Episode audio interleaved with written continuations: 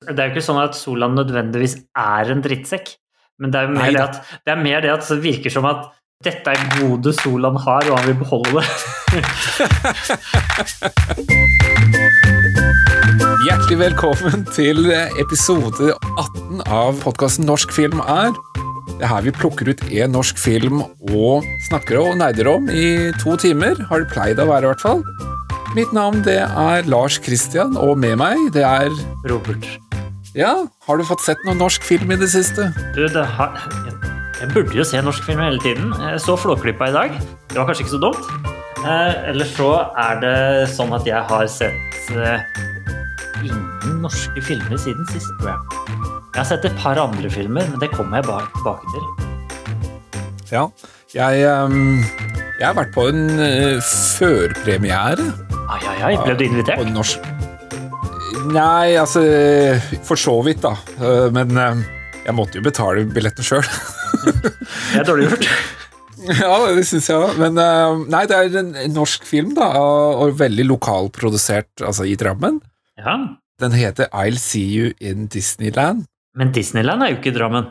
Disneyland er i USA, i hvert fall ett av dem. Men dette her er jo da en film som ja, Den er veldig rar, og det sier jo også regissøren sjøl. Så det var veldig flott at han faktisk var der og kunne forklare filmen. Var det en Eh, surrealistisk film? Ja, surrealist. Mye sånn drømmer og mye sånn symbolikk og sånn i den, da. Ja, det, det er jo gjerne det i surrealist, surrealisme, da. Så. Så, men eh, interessant film, sånn sett. Hvem er det som har regissert eh, filmen? Det er en eh, regissør som heter Torkel August Ottarsson.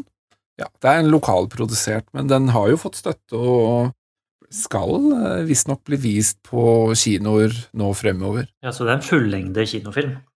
Ja da, ja da. Det er ikke en kortfilm, liksom? Nei da, det, det er en fullengde film. Kanskje vi kan bli invitert litt oftere Og før premierer? Syns jeg absolutt. Da kan du få litt positiv omtale her, vet du. Det, det gjør vi jo alltid, gjør vi ikke det? Jo, altså Norsk film er viktig, så det er litt viktig å gi den eh, rosen der man kan gi ros, egentlig i alle ledd. Ja, og jeg syns det er viktig bare å sette fokus på det, altså, og det å skape en debatt og, og prate om det. Jeg syns det er gøy å prate om norsk film uansett. Noen ganger så er det jo ikke så bra, men noen andre ganger er det jo kjempebra. og det er alltid gøy å Noen vil jo uansett sannsynligvis synes at filmen, filmen er interessant. Jeg burde jo se norsk film hele tiden. Jeg så Flåklypa i dag. Det var kanskje ikke så dumt. Eh, Eller så er det sånn at jeg har sett eh, ingen norske filmer siden sist, tror jeg. Jeg har sett et par andre filmer, men det kommer jeg bare tilbake til. Men jeg, skal, jeg må jo tease neste film. Ja, for hva er den neste filmen, eh, Lars? Neste gang? Ja. Ikke si det, ikke si det! Nei. Nei, jeg skal ikke si det. Eh, Jeg holdt nesten på å si det. Men eh, det er en film fra 1991. Det er lenge siden. Det er jo blitt en godt voksen film, 31 år gammel. 1991. Hadde det vært en, eh, vært en bil, så hadde det vært en veteranbil. Det har, har du faktisk helt rett i. En veteranfilm. En veteranfilm, det kan man godt si. Det har seg slik at en av våre lyttere har sendt inn et ønske om akkurat denne filmen. Det kan også du gjøre ved å gå inn på vår Facebook-side og sende oss en melding der eller en kommentar på akkurat den filmen du vil at vi skal snakke om. Men eh, altså, filmen er jo da regissert av Sigve Endresen. Det er vel egentlig det, det meste jeg kan si her og nå. Og da får vi da vite mot slutten, da skal jeg avsløre tittelen på den filmen. Så bra. Da, da får jo på en måte lytterne faktisk være litt aktiv del her, og det er kjempebra. Ja, hvis du har lyst til å komme med en film som eh, vi skal prate om, så er det jo bare å stikke inn på Facebook og, og komme med masse anbefalinger. Eller så kan de jo sende på Instagram, der er vi også. Eller hvor enn du hører på denne podkasten, Spotify, Apple eller tilsvarende. Men Robert, hva er det vi skal snakke om i dag? I dag, eh, Lars, så skal vi snakke om den største norske suksessen på kinolerretet ever. Eh, Flåklypa Grand Prix. Det er jo Det er min barndom. Jeg tror det er mange sin barndom. Jeg gleder meg masse. Jeg har varma opp til denne filmen i over 30 år for å liksom kunne snakke om det, ha denne episoden. Så altså, For meg så er det rart at jeg ikke klarte å dytte den inn i første sesong. Ja, det er, den er veldig spesiell.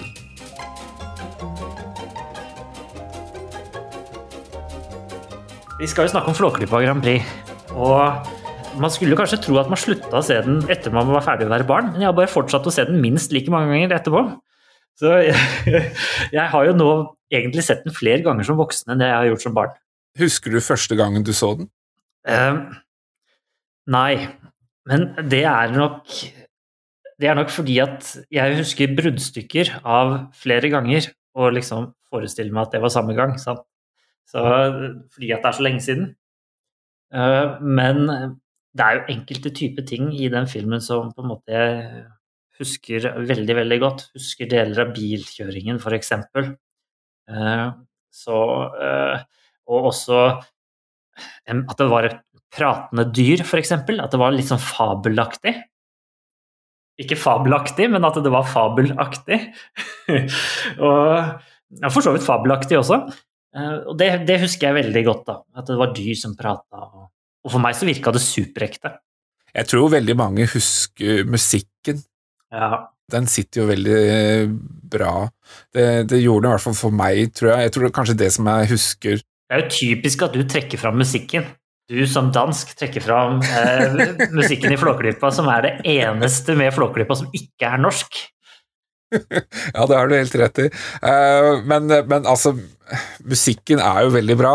Ja da, absolutt. Det er kjempefin musikk. Men vi skal komme litt tilbake til akkurat det med musikken. Um, men jeg husker jo veldig godt uh, altså Som deg, jeg husker jo ikke når jeg så den første gangen og sånn, men jeg har jo sett den noen ganger, og en eller annen gang så har jo mine foreldre sikkert sett den her i, i, i eh, butikk, eller leiebutikken, som det var denne gangen filmvideosjappa.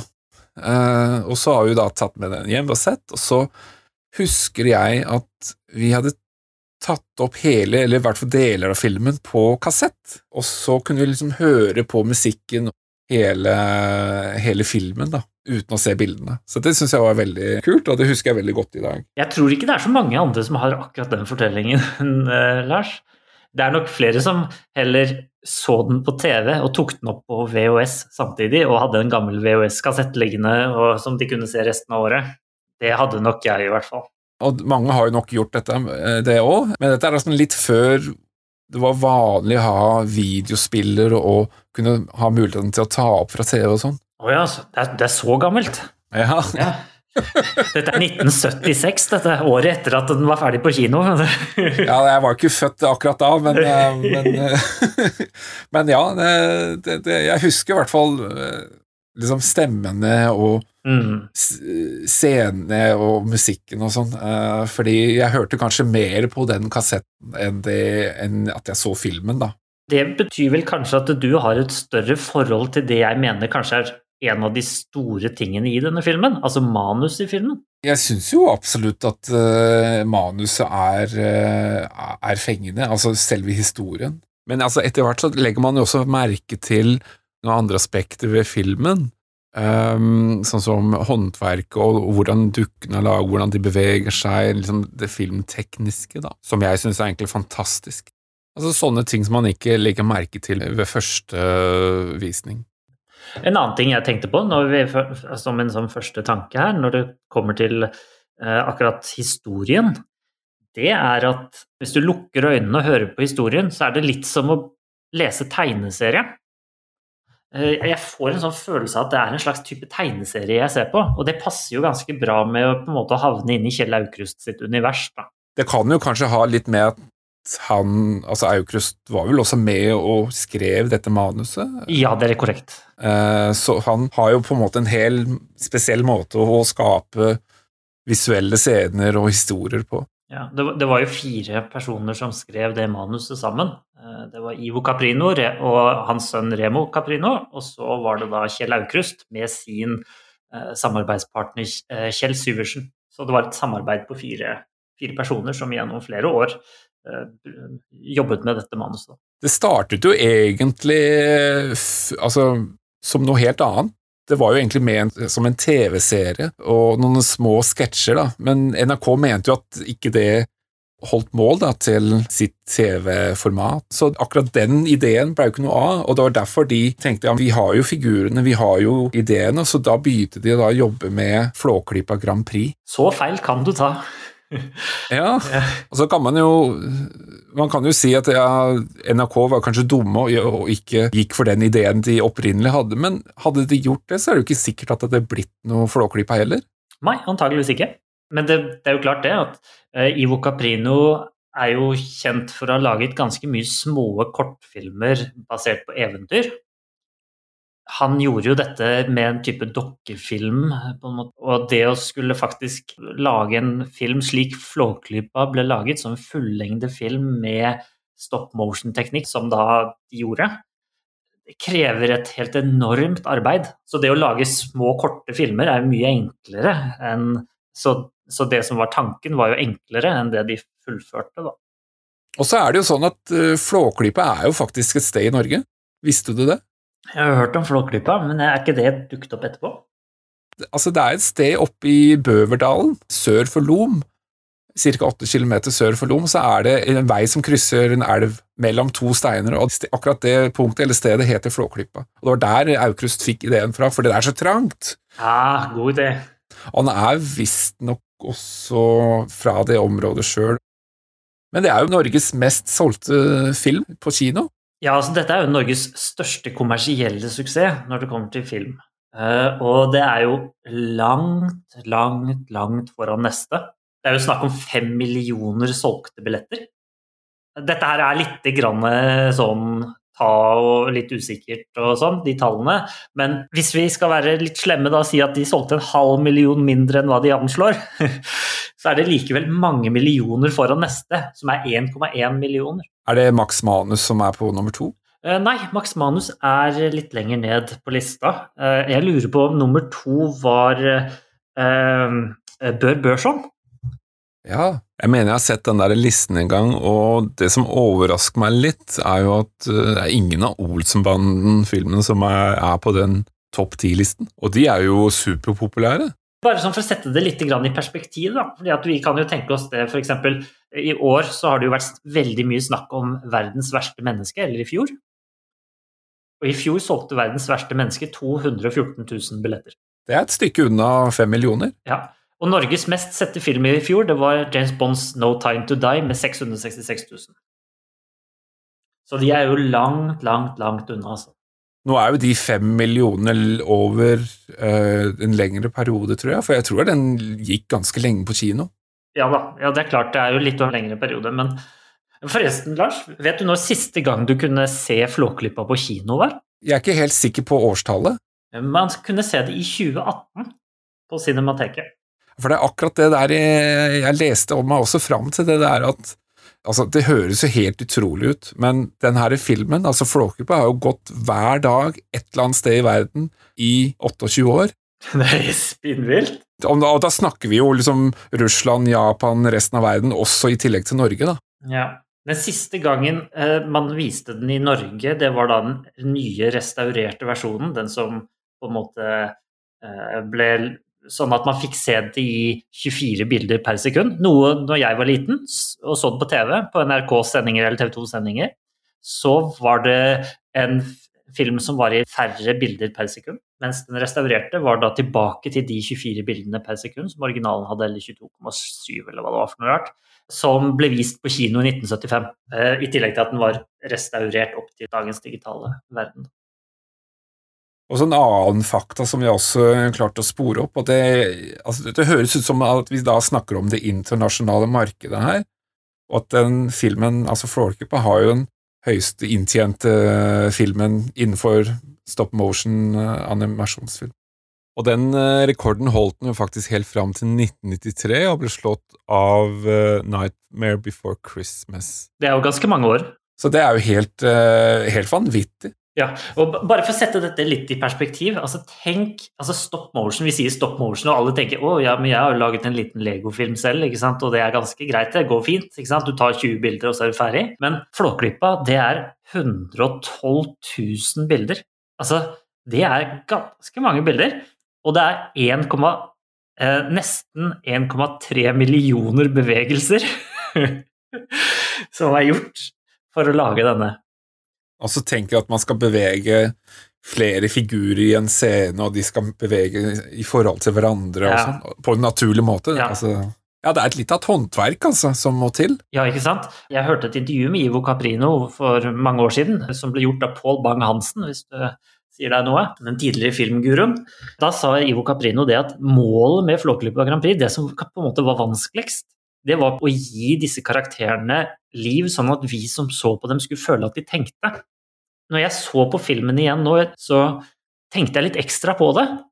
Og man sitter og tenker wow, det funka faktisk. De fikk det til. Ja, jeg er helt enig at man føler at det faktisk er levende karakterer. Selv om man vet at det er en dukke, men man føler at de faktisk har en sjel. Da. Ja, ikke sant? Fordi vi både, vi både vet og ser det. ikke sant? Altså, klarer, det er ikke vanskelig å se dette her, og i den restaurerte utgaven er det enda enklere å se, fordi da er kvaliteten så god. ikke sant? Men likevel, det er, det er, det er nydelig.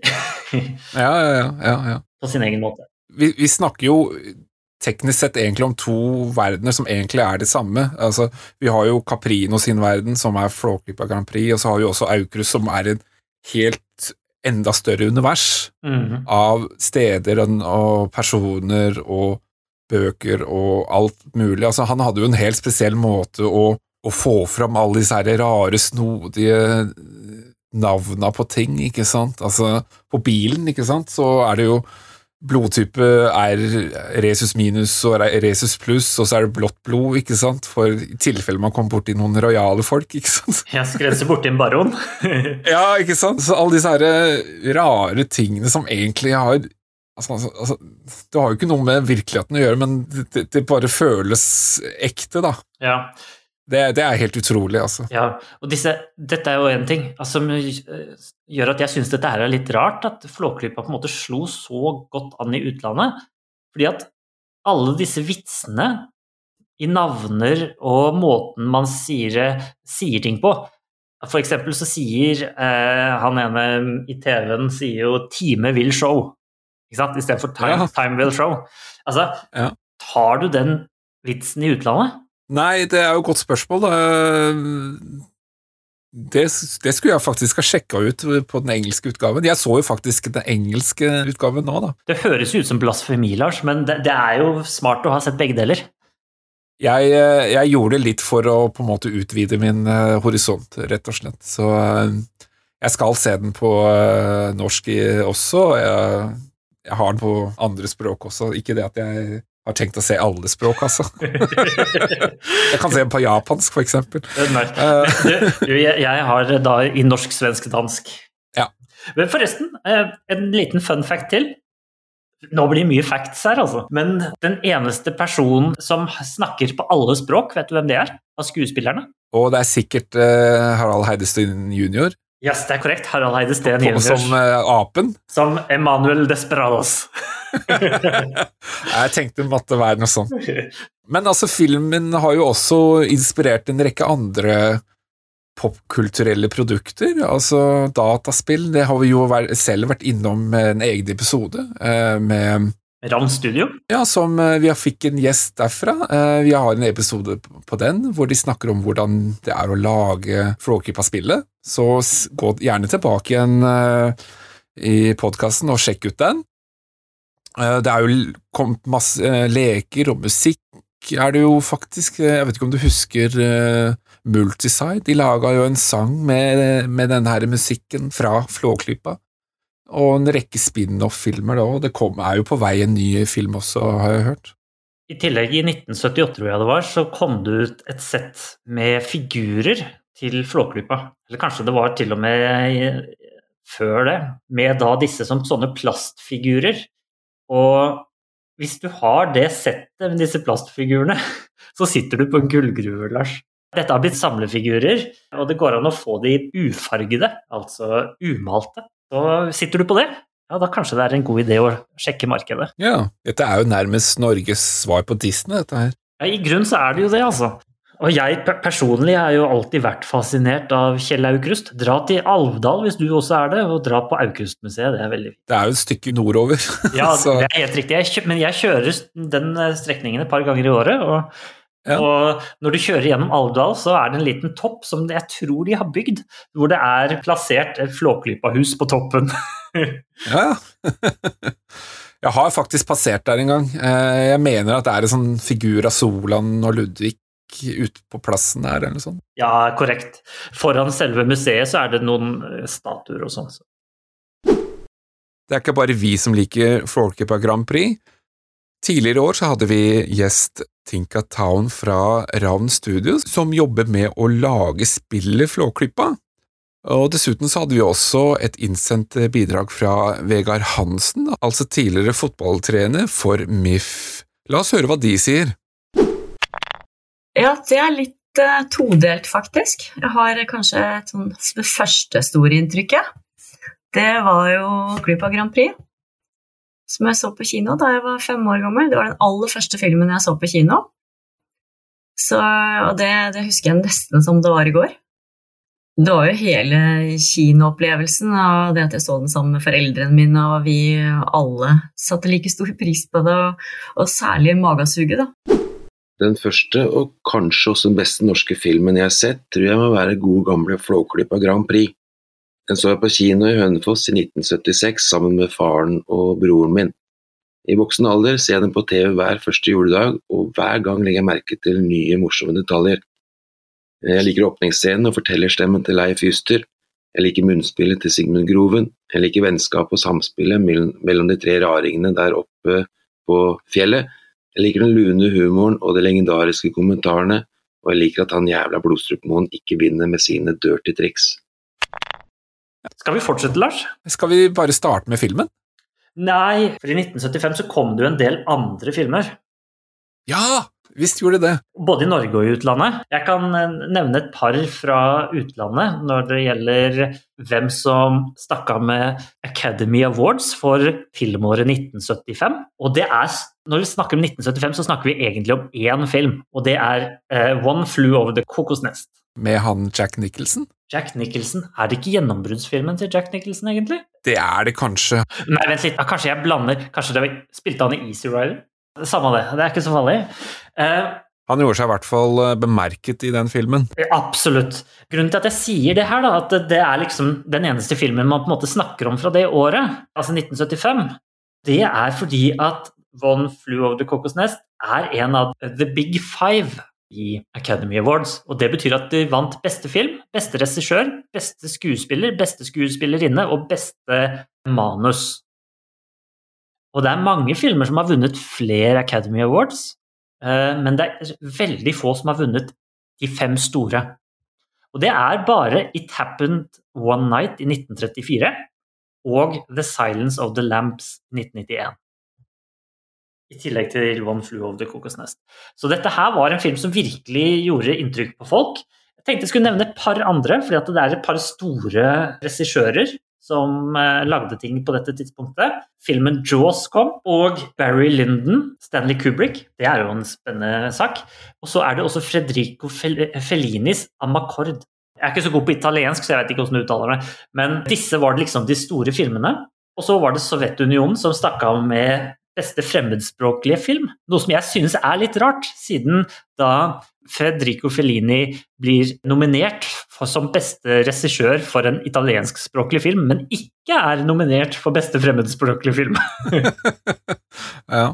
Men sånn var det kanskje. Men hvor, hvordan sto det til i Norge? Vi har da um, Olsenbandens siste bedrifter. Det var jo det tiåret hvor uh, Olsenbanden virkelig gikk sin seiersgang med sine filmer. Det er da sjette filmen i serien. Hustruer, den første filmen av disse her uh, den hustru-triologien, den kom ut dette året også. Da starter vi.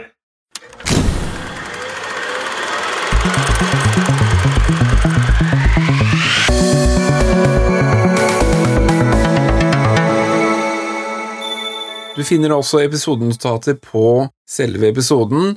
Der legger vi ut alle filmene som vi nevner, pluss linker og annen nyttig informasjon. Ellers så er det også et lite obs, obs. Vi spoiler filmen, så hvis du ikke har sett filmen, som er lite sannsynlig, eh, så eh, pauser du den der, denne episoden, eller podkastepisoden, ser filmen, og så kan du fortsette å lytte på oss etterpå. Ja, men det er vel egentlig ingen som ikke har sett Flåklypa, er det det? Nei, jeg, tror ikke det. Det er jo alltid noen Det er noen raringer ute. Det er jo alltid noen nye, altså Jeg mener yngre generasjoner som ikke har sett den, da. Ja. Jeg trodde jo dette var standard i, i barneoppdragelse å vise den når de var små. Burde jo vært eh, pensum i norsk skole. Ja, ja det skulle ikke forundre meg. Eh, Men du, for de som ikke har sett filmen, hva handler den egentlig om, eh, Robert? Flåklypa Grand Prix det er en film som handler om Reodor Felgen, som er spilt eh, med stemme. Da. Vi snakker, Alle personer her er jo voisa, på en måte. Altså det, er, det er- er stemmer som er, og så er resten er dokker. Men det handler da om sykkelreparatør Reodor Felgen, spilt av Frank Robert, kjent herremann, som bor på toppen av Flåklypa, et lite sted i Norge, hvor han bor sammen med sine to venner, Ludvig og Solan Gundersen. Ludvig er spilt av Torvald Maurstad, og Solan Gundersen spilt av Kari Simonsen. Så her, allerede her så skjønner vi at dette er en tung, tung, tung film basert på skuespillere. Emanuel Desperados er Harald Eide Steen, og Ben, eh, Reddik Fy Fasan er Rolf Just Nilsen, og Wenche Foss er med, og Henki Kolstad er med, og det er, det er liksom Dette her er Skuespiller-Norges som er samlet sammen for å lage noe spesielt, altså. Det er eh, et knippe av store norske skuespillere, altså. Ja. Det det. Yes. Og, men disse tre personene de oppdager eh, at det er et billøp på gang, eh, og at de har fått stjålet en tegning. Og de ønsker å gjøre revansj mot da tyven eh, av denne tegningen, som da er Rudolf Blodstrupmoen, spilt av Helge Riss. Og det er vel egentlig filmen? Ja, Og så er det et billøp også, da. Ja, det er jo det billøpet som blir gjennomført, da. Spoiler, de vinner billøpet. Nei, filleren. Jeg beklager. jeg beklager. sagt ja. Ah. Men vi, vi skal jo spoile filmen, så det er jo eh, det er greit. Ja, det- det var godt. Og, det, og det er jo litt flaks, siden Rudolf Blodstrupmoen han, har jo en annen sjåfør. Han heter Mysil Bergsprekken, og han er jo synsk, så det er, det er best å Han gjorde en dårlig jobb, da. Ja, Han gjorde skikkelig dårlig jobb. Han visste jo dette på forhånd òg. Ja, Skal vi ikke bare begynne med filmen da? Jo, det syns jeg. Eh, Flåklypa Grand Prix den starter jo med et bilde av det som ser ut som en blomsterbukett og en sommerfugl. Og så zoomes det utover, trekkes utover, og det vi ser på, det er en kameramann som også zoomer ut. Så det er en dobbel zoom, på en måte, så det er litt sånn fancy hva de gjør for noe. Og det er masse deler i bevegelse her, og det er et nydelig bilde. Hvor det er da en kameramann som skal filme disse plakatene som forteller hvem som deltar i filmen.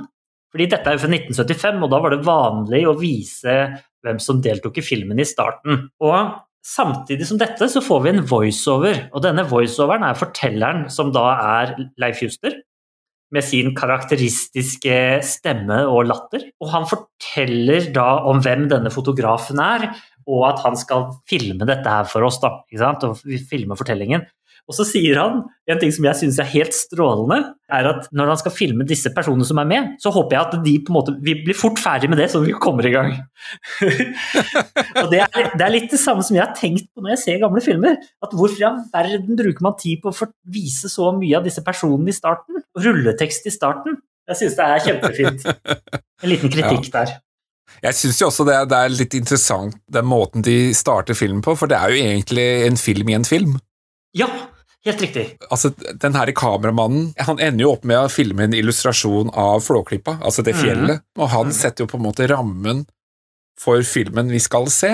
Om uh, Caprino hadde noen dypere mening med dette her, det, det, det vet jeg ikke, men jeg ser for meg at de bare hadde en figur som var en kameramann. Jeg tror til og med han dukker opp i avdukningen også. Ja, det gjør han nok. Ja, for den, den er jo TV-sendt til hele verden.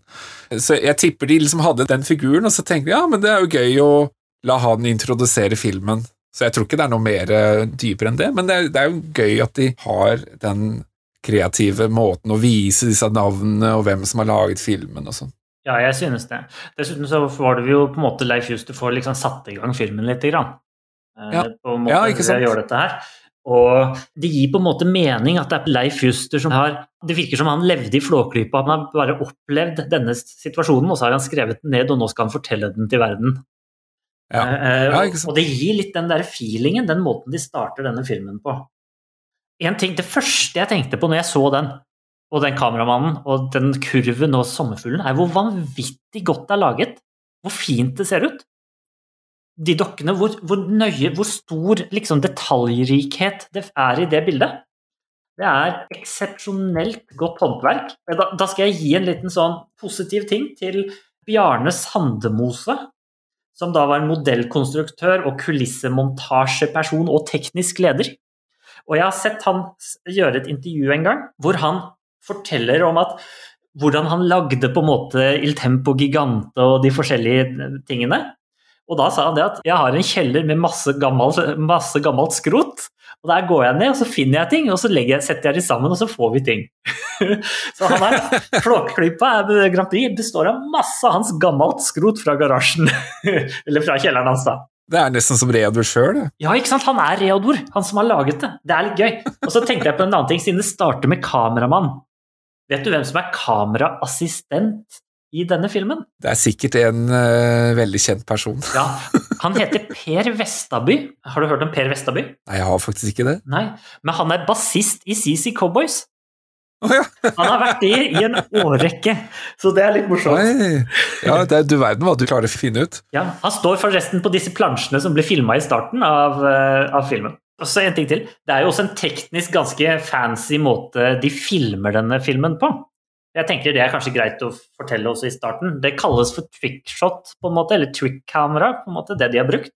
Og det er at de har filma først bakgrunnen på mange måter, og så har de projisert den bakgrunnen på en sånn, eh, via et speil, sånn at de har speila den, og så har de filma eller tatt bilder av de andre tingene foran. Og På den måten har de fått lag i bildet. Har du sett den restaurerte utgaven? Ja. Har du tilfeldigvis den gamle utgaven òg, eller? Ja, den har jeg på VHS liggende, men den har jeg ikke sett. Du har det, ja. Jeg stussa litt på det, for jeg har sett den nyrestaurerte utgaven også, og det, jeg leste jo litt akkurat om, akkurat om, det der når den ble gitt ut, så ble den kroppa ned til, til riktig sånn ratio, mm. men når du ser på den restaurerte, så er jo den skanna inn på nytt, ikke sant, og du får jo mye mer detaljer enn det du fikk fra før av. Ja. Alt er mye klarere, alt er mye Du ser at det er på en måte dukker nå. Mm. Noe som på en måte er på, på godt og vondt, da. Jeg er enig. Men det var noen scener her som jeg stussa litt på om de faktisk hadde gjort om helt, fordi det så ut som at det var en veldig sånn Så ut som en sånn moderne maskering av en figur og bakgrunn, så jeg var litt usikker på om det var noe som var fiksa på i en ny utgave, eller om det faktisk også var i den gamle. Det hadde vært interessant å finne ut av det, egentlig. Men, men når han kameramannen zoomer inn på dette bildet av Flåklypa-toppen i svart-hvitt eh, fordi at han, Når du skal inn i fortellingen, så går vi inn i et bilde, ikke sant? Ja. Og det er svart-hvitt sånn i utgangspunktet. Og så merges dette bildet til å bli liksom den animerte virkeligheten. Og jeg bare tenker Det tror jeg var mye jobb den, gang, den, gangen det faktisk ble gjort. Du ser at det ikke matcher helt. Mm. Men jeg syns det er likevel en, en, en, fiffig idé, da. Og også tilbake til den restaurerte utgaven, for her så ser du faktisk mye mer detaljer i den flåklippa byen, da. Ja. Du ser at det kjører biler, eh, du ser at mer detaljer i husene og sånn, det så man nesten ikke før. Nei, jeg vet. Alt var liksom bare bløra og ullent og sånn. Ja, og dette gjør jo for så vidt den restaurerte versjonen bedre. Men de som gikk på kino i 1975, de så nok detaljene. Ja, det gjorde de nok. Da så du en kinoversjon, ikke sant? ikke en VHS-versjon. Det var også en annen ting som han eh, Sandemose sa, at man kunne jo ikke bare gå ut og filme noe, eller ta bilde av noe. Man måtte jo bygge hver eneste lille bit som skulle med, og hver eneste detalj man måtte ha. Og alt måtte matche. Og Ivo Caprino og Kjell Aukrust, det var det ikke liksom noen som sa nei, det er ingen som legger merke til. Ikke sant? Her skulle ting være skikkelig på stell så ender vi jo da opp på toppen av dette fjellet. Altså, jeg vet ikke om det er Flåklypa-fjellet, eller hva man ja, Flåklypa-toppen. Det er i hvert fall der eh, Reodor bor, da. Og det jeg syns er så fint med denne introduksjonen, er jo at man blir introdusert til alle disse karakterene med en gang. Altså mm. Solan, eh, Ludvig eh, og Reodor, og med en gang så Fotgjengerknotten. Postmannen. Mm. Og når vi da endelig beveger oss inn i huset, så får vi på en måte med en gang hva egentlig historien skal dreie seg om. Altså, det er han der Blodstrupmoen. Han har, han har vunnet noe billøp, og han Det er vel der han oppdager den tegningen, er det ikke det? At han har stjålet den tegningen. Vi har en morgen, vanlig morgen, hvor vi da får postmannen, som vi ser leverer en avis. Og når Solan går ut og henter den i da Kjell Aukrusts eh, fantastiske postkassestativ Tilpasset Solan? Ja, altså, ikke sant? Den er jo tilpasset de to små, sant? Så ser vi da at han kommer inn med Flåklypa Tidene for april 1975. og Der står det 'Ubeseiret i år' Rudolf Blodstrupmoen. Og på baksiden av denne avisen så er det en liten sånn derre sneaky tegning som viser hvordan han har fått til dette her. For det er jo der Reodor han forklarer jo egentlig hvem eh, Rudolf Blodstrupmoen er, at han var en læregutt hos han en gang i tiden. Er det ikke det der, eller er det senere ved TV-en? Jeg mener det er der ved avisen, hvor han forklarer um, om, om, at han var liksom assistent og læregutt hos uh, han for lenge siden. Og jeg syns også det er veldig fint hvordan de forskjellige karakterene blir portrettert, da, hvor Solan er liksom den derre tidlig opp om morgenen, flyr ut og henter avisen. Ludvig han uh, ligger fortsatt og drar seg i sengen, ikke sant? Altså, Du skjønner med en gang hvilke karakterer disse her er, og hva, hva slags trekk de har. Reodor han sitter allerede og, og jobber ved, ved, ved, pulten sin. Mm. Du har tegnet disse her karakterene med en gang du kommer inn i universet. Ja, riktig. Den bruker jo ikke mange sekunder på å fortelle at Ludvig er, en liten, er mye mer doven enn det, ja. enn det Solan ja. er. Solan er morgenfugl, og, og Reodor er denne her erketype litt eldre herren som på en måte våkner klokka fem om morgenen og begynner å jobbe da, liksom. Bygdeoriginalen. Ja. Og Rudolf Blodstrupmoen, som du sa, han jobbet jo da oppe hos Reodor litt og fikk brennkvast, som de sier i filmen, med å komme seg til byen. Da hadde han jo stjålet tegninga, ikke sant? Men det som er litt interessant, da, for nå har vi jo blitt introdusert til alle disse her eh, karakterene, og så tenker jeg liksom hvem er, altså, hvem er egentlig hovedpersonen? Ja, det er jo Reodor Felgen. Er det det? Ja, i min verden er du Reodor Felgen. Ja, det kan godt hende, for jeg, jeg, føler jo litt at det er kanskje Solan. Ja, riktig. For det er jo han vi følger liksom utover filmen. I hvert fall i midten av filmen, hvor han drar til til eh, denne sjeiken, ikke sant? Jeg skjønner hva du tenker. Så det er kanskje ikke Det er tre hovedpersoner? Ja, det er kanskje en gruppe. Grunnen til at jeg tenker Reodor, det er at Reodor er kraft Altså han er på en måte liksom den Han er essensen i filmen. Uten Reodor blir det ingen film. Uh, uten Solan så vil det antageligvis bli en film. Uh, men det vil jo bli en annen film, da. altså, Flåklypa er jo nesten som et uh, Marvel-univers. Reodor er jo liksom på en måte steinen i filmen som Riktig. alle vet hvor, hvor, hvor, man har, og han er lojal og stødig og ja. han, er forutsigbar, da, men Solan han er jo den som driver filmen framover. Jo, men Reodor er også det eneste mennesket. Ja, eh, ja sjeiken, da. Jo, jo. Ja, de er jo mange mennesker, men altså, sjeiken er ikke hovedpersonen i filmen. Nei, nei, men ja, du tenker av de tre, ja. Ja, riktig, og det er men naturlig å tenke det. Dessuten så tenker jeg at neste scene forklarer hvordan liksom, altså rangsordningen her. Fordi fordi Først så blir vi jo liksom fortalt hvem, det, hvem er de tre hovedpersonene. Da skal vi godta det, at det er tre hovedpersoner, og de har forskjellige egenskaper. ikke sant? Og så får vi jo se arbeidsoppgavene deres. Vi blir kjent med dem i større grad, hvor de begynner å skal starte et kostebinderi. ikke sant? De ser hva de gjør, jobber med, ikke sant? og at du har da Solan, ikke sant? som er denne spirrevippen som har masse energi og gjør alle ting som han kan. ikke sant? Mens du har Ludvig, ja. som er mer denne pertentlige typen. Han, han, har litt mer grønne fingre, går ut og vannet blomster, er litt roligere. Har sekk på hatt. Ettertenksom og sånn. Riktig. Høysnue kronisk. ja, men jeg tenkte litt på Solan. Eh, altså, Ludvig er jo et pinnsvin. Ja. Solan, hva slags fugl er han? Ja, eh, han er en papegøye. Er han det? Fordi jeg leste kråke skjære. Det tror jeg er fordi at i filmen så sier Reodor det på Solan, han er rolig som skjæra på tunet. Og jeg tror det er grunnen til at folk sier at han er en skjære. Fordi at skjærer er vel egentlig ikke svarte, det er jo kråker som er svarte. Ja, for det var det jeg også Altså, han ligner jo ikke på en skjære eller kråke i det hele Nei. tatt. Jeg syns jo at hodet ligner mer på en and. Ok, men, men jeg har svaret på dette her, skjønner du. Ja. Fordi Ben Reddik Fy Fasan, altså sjeiken, ja. han har jo en danser inne. Soline. Eh, som er samme type som Solan. Og han sier 'kom, min kakadu'. Ah. Og Om jeg ikke husker helt feil, så er en kakadu en papegøye. Er det det, ja? Jeg syns ikke Solan ligner en papegøye heller, altså. Ja, Jeg baserer det på manus, fordi at de to fuglene er jo like. Dessuten så driver de jo og kysser og greier her mot slutten av filmen. En viss likhet må det jo være på dem, mener jeg. Ja, jeg oppfatter også at uh, Soline og Solan er like uh, fugler. Men nå er ikke jeg noe antropolog, eller hva man kaller det, eller zoolog, men jeg syns jo Solan ligner på en trøst. Ja. For den er svart, og han har gult nebb. Mm. Og trosten synger jo også, og det gjør jo Solan definitivt. Mm. Ja. Sånn uoffisielt, så i hodet mitt så er han en trost. ja. Jeg, men jeg vil, slå, jeg vil slå et slag for papegøye, altså. På bakgrunn av at det blir faktisk sagt i filmen.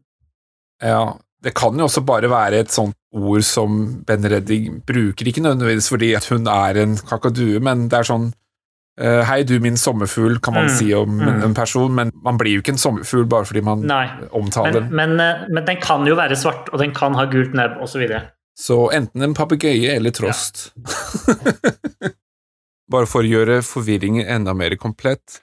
I den engelske Flåklypa Grand Prix så blir han jo omtalt som en magpie, som er en kråke eller skjære. I den norske filmen Herifra til Flåklypa så blir han også omtalt av Reodor som en kråke, altså. En annen ting, man kunne jo lure på hvilket kjønn f.eks.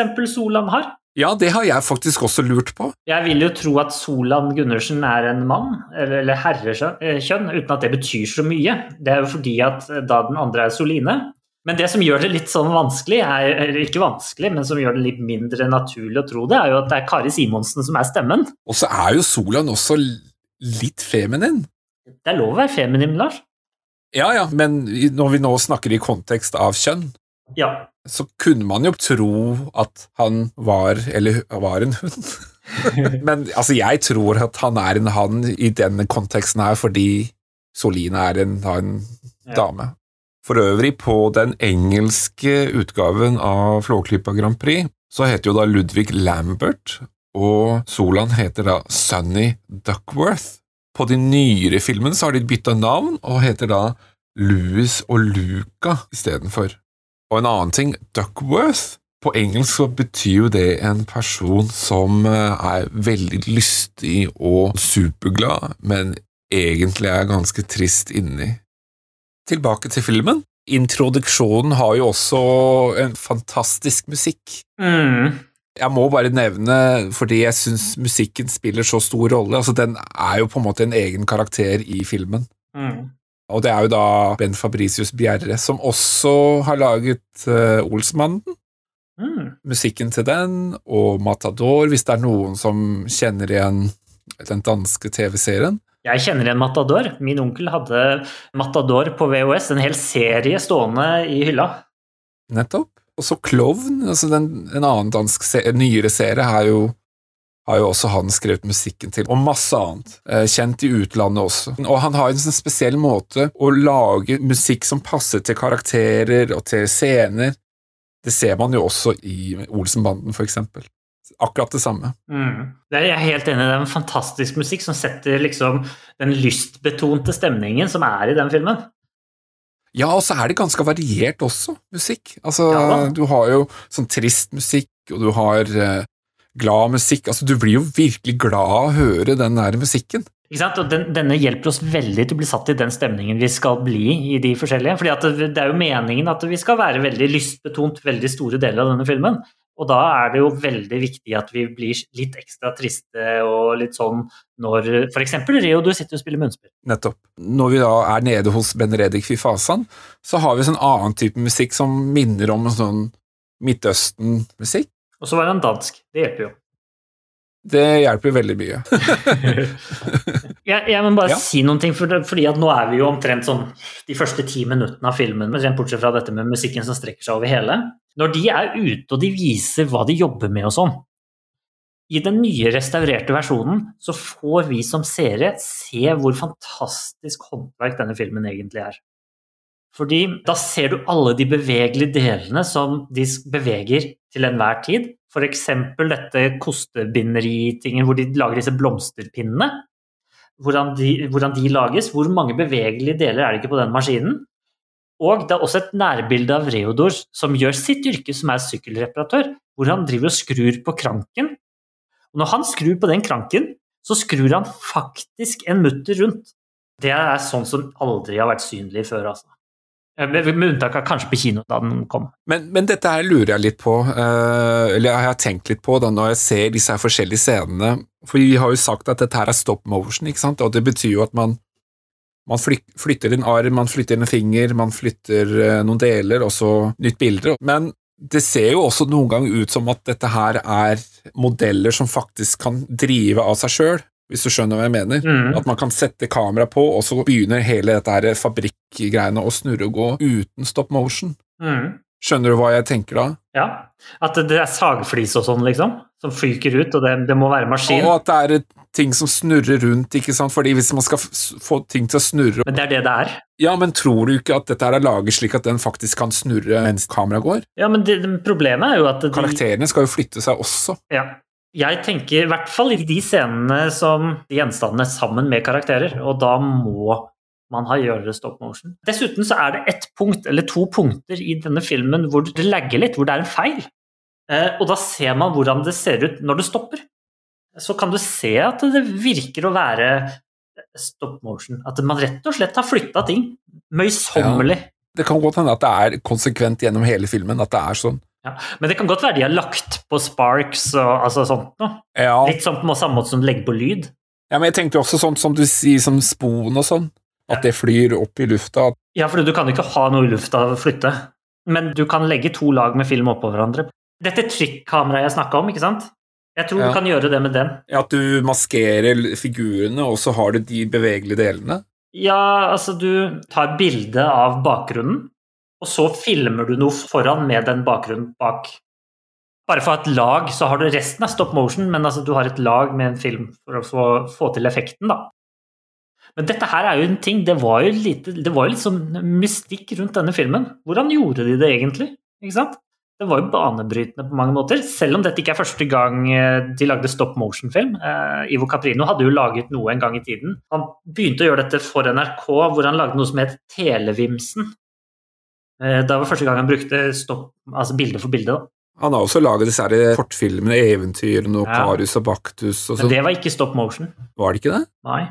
Jeg er ganske sikker på at det ikke var stop motion. Det er jo figurer på samme måte, men jeg trodde det kanskje var samme teknikken. Men det er jo dokkefilm, da. Ja, du tenker at dokkene beveger seg live i Ja, bak... at du kan bevege de på en eller annen måte. At du spinner kameraet, og så ja. Det er jo en interessant debatt sånn sett, men det får vi vel ikke svar på, med mindre det er beskrevet i noen bakomfilm eller noe sånt. Jeg tar dette her ifra en NRK-artikkel jeg leste Ja. om Ivo Caprino, om hans karriere den gangen han døde. Ja, ja, ja, ja.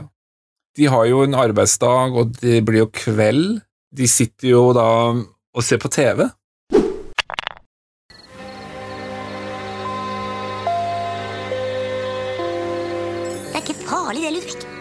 Jeg slår på TV-en, jeg, Reodor. Jeg liker ikke TV, jeg, Reodor. De lever ikke innen den kassa, da, vet du. Kan aldri like TV. Og så får vi Dagsrevyen ved Mikael Jostein Krogsleiven. Dette pleier å være spennende. Situasjonen er fortsatt meget spent i Midtøsten. Her søren! Jeg er redd, jeg, Reodor. Dette var Dagsrevyen. Og dette her er en scene jeg syns er strålende. Det gir oss et nytt bilde, dette er fremdeles tidlig i filmen, på hvem Ludvig egentlig er. Og dessuten den elgen i bakgrunnen eh, som henger over hodene deres. Ja, fordi øya følger jo hele rommet. Ja, ja, ja. Ja, det er, det er så artig. Mm. Og så er det jo Jeg liker jo den der nyheten hvor de skal snakke om Midtøsten, og Mm. blåser opp den der eh, kloden av en ballong, og så sprenger jo hele Eh, Det er fortsatt konflikt i Midtøsten. Men dette her er jo liksom Dette her er Kjell Aukrust sitt univers. Jeg ser for meg at det er han som står bak dette her, uten at jeg vet det. Ja. absolutt. Jeg Fordi at- tror det òg. Ja, og tegningen som henger bak, det er jo liksom håndtegninger av Kjell Aukrust. Og man glemmer kanskje litt at Reodor og Solan og TV-en og alt sammen er jo ikke i full størrelse. Det er jo ikke én til én, på en måte. Det er jo litt mindre. Det er jo miniatyrer, dette her. Så tenk på den detaljen det har gått med på å lage og tegne og male alle disse tingene, og laget alle gjenstandene. Det er helt enormt mange. Alle disse rosemaleriene på møblene og sånn. Ja, Det er jo helt utrolig at de har klart å få med det, altså. ja nei, detaljnivået er helt hinsides. Og igjen, det ser man jo mye mer på den restaurerte utgaven. Mm. Um, og så kan man jo bare glede oss til 4K-utgaven. da kan vi se enda mer. Men altså, for å være helt ærlig, når, når du sitter og Altså, jeg tror ikke vi får se noe mer enn det som er, for jeg tror vi, har, vi klarer å se det som er nå med den utgaven som er. Jeg er helt enig. Jeg tror ikke det er noe behov for noe 4K. Dersom bilder blir enda mer skarpe, så vil du jo se mer av materialene og figurene og hvordan de er satt sammen. Og jeg tror kanskje da illusjonen på at dette her er levende figurer, forsvinner litt, fordi du da legger merke til mere. Når vi har da dette bildet av denne sofaen som de sitter i, som ikke er en sofa, det er rett og slett senga til Reodor, der ser vi jo en enorm detaljrikhet i de tegningene som henger bak, og også malerier som står, som da jeg tipper skal være foreldrene til Reodor, eller i hvert fall faren til Reodor, som er Altså, det er så godt tegna, og tenk at det er i miniatyrer. Nei, det der er fantastisk bra gjort. En annen ting som også jeg, som slo meg litt da når jeg så den nå sist, ja, det er jo at eh, litt som du sier, eh, hele den hytta eller huset, da, som du sier, de sitter jo i sengen til Reodor. Man får jo nesten litt inntrykk at her er det mange rom, her er et soverom, et større hus med flere rom, men det er faktisk knøttliten, de bor jo nesten oppå hverandre. Den pulten til Reodor er ikke så langt borte fra sengene. TV-en er jo inni det skap, ikke sant? Og også Leif Juster sier i introen også at eh, de lever i små kår, og de er ikke noen som kommer og liksom skal ha reparert sykkelen sin eller noen ting. Det er lite penger hos Reodor.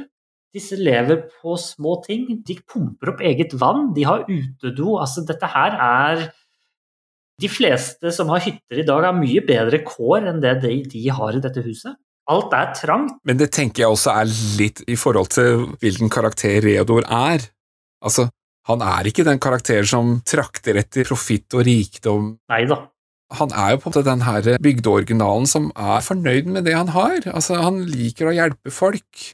Det er det som gir han glede, det er å reparere sykkelen til Stengelføl Gnad, eller hva den heter. Altså, eller Harpen, da. Han kunne sikkert ha hatt et mye finere sted å bo, men jeg tror ikke det er det han egentlig bryr seg om. Han bor jo på verdens øh, flotteste sted fra før av. Ja, altså Tenk den utsikten. Når du ser huset oppå Flåklypa-toppen der, så ser du at det er sånne påler for å holde huset oppe utenfor kanten på, liksom, på toppen. Så det er litt sånn ekstra kult, da. Altså, hvem ville ikke bodd der, tenker jeg. Altså. Nei, si Det det. er jo det kuleste stedet på jord. Jeg tror de brøyter om vinteren. Stakkars sånn der eh, postmann da, som må gå opp om vinteren. En annen ting, forresten. De har jo egen TV-kanal oppe i Flåklypa, noe som ikke var lov i Norge i 1975. Da var det fremdeles det! NRK-monopol i Norge. Så det at man tenkte på det, og at det var reklamefinansiert for Det er er jo hårvannet til han derre duden som drar av alt håret sitt. Nå var det monopol i Det var i 91, det. 81 så tror jeg det var Høyre som gikk til valg på å fjerne monopolet hvis de kom til makten, og da var det eh, Hva het han? Langslett het han eh, kulturministeren eller noe sånt som fjerna dette monopolet på 80-tallet. Det var Kåre Willochs regjering. Ja, Men det var ikke før på 90-tallet TV 2 starta, var det ikke det? Eh, Nei, det stemmer, men den første regelen var jo da først og fremst mynta kanskje på radio, lokalradio og sånn, men det sa man det at hvis man drev lokal radio og TV, så kunne man starte. Det er jo ganske framovertenkt, da. Jeg veit ikke om det er en kritikk, jeg. Det kan godt hende. Det er en fryktelig teit reklame. Men det virker veldig lokal-TV òg, da. Det er Ja, sånn da. Ja, du er på TV nå! sånn. Blåstrupmoen han dukker jo opp på TV-en og utfordrer vel alle og enhver. Ja. Han prater vel om Reodor også? ja, han sier jo det at han hadde en litt sånn trang oppvekst oppe i Flåklypa og sånn. Ja, Eh, Håner vel litt Reodor. ja, bygdeoriginal Reodor, var det ikke det han het, eller noe sånt? Han har liksom glemt den helt.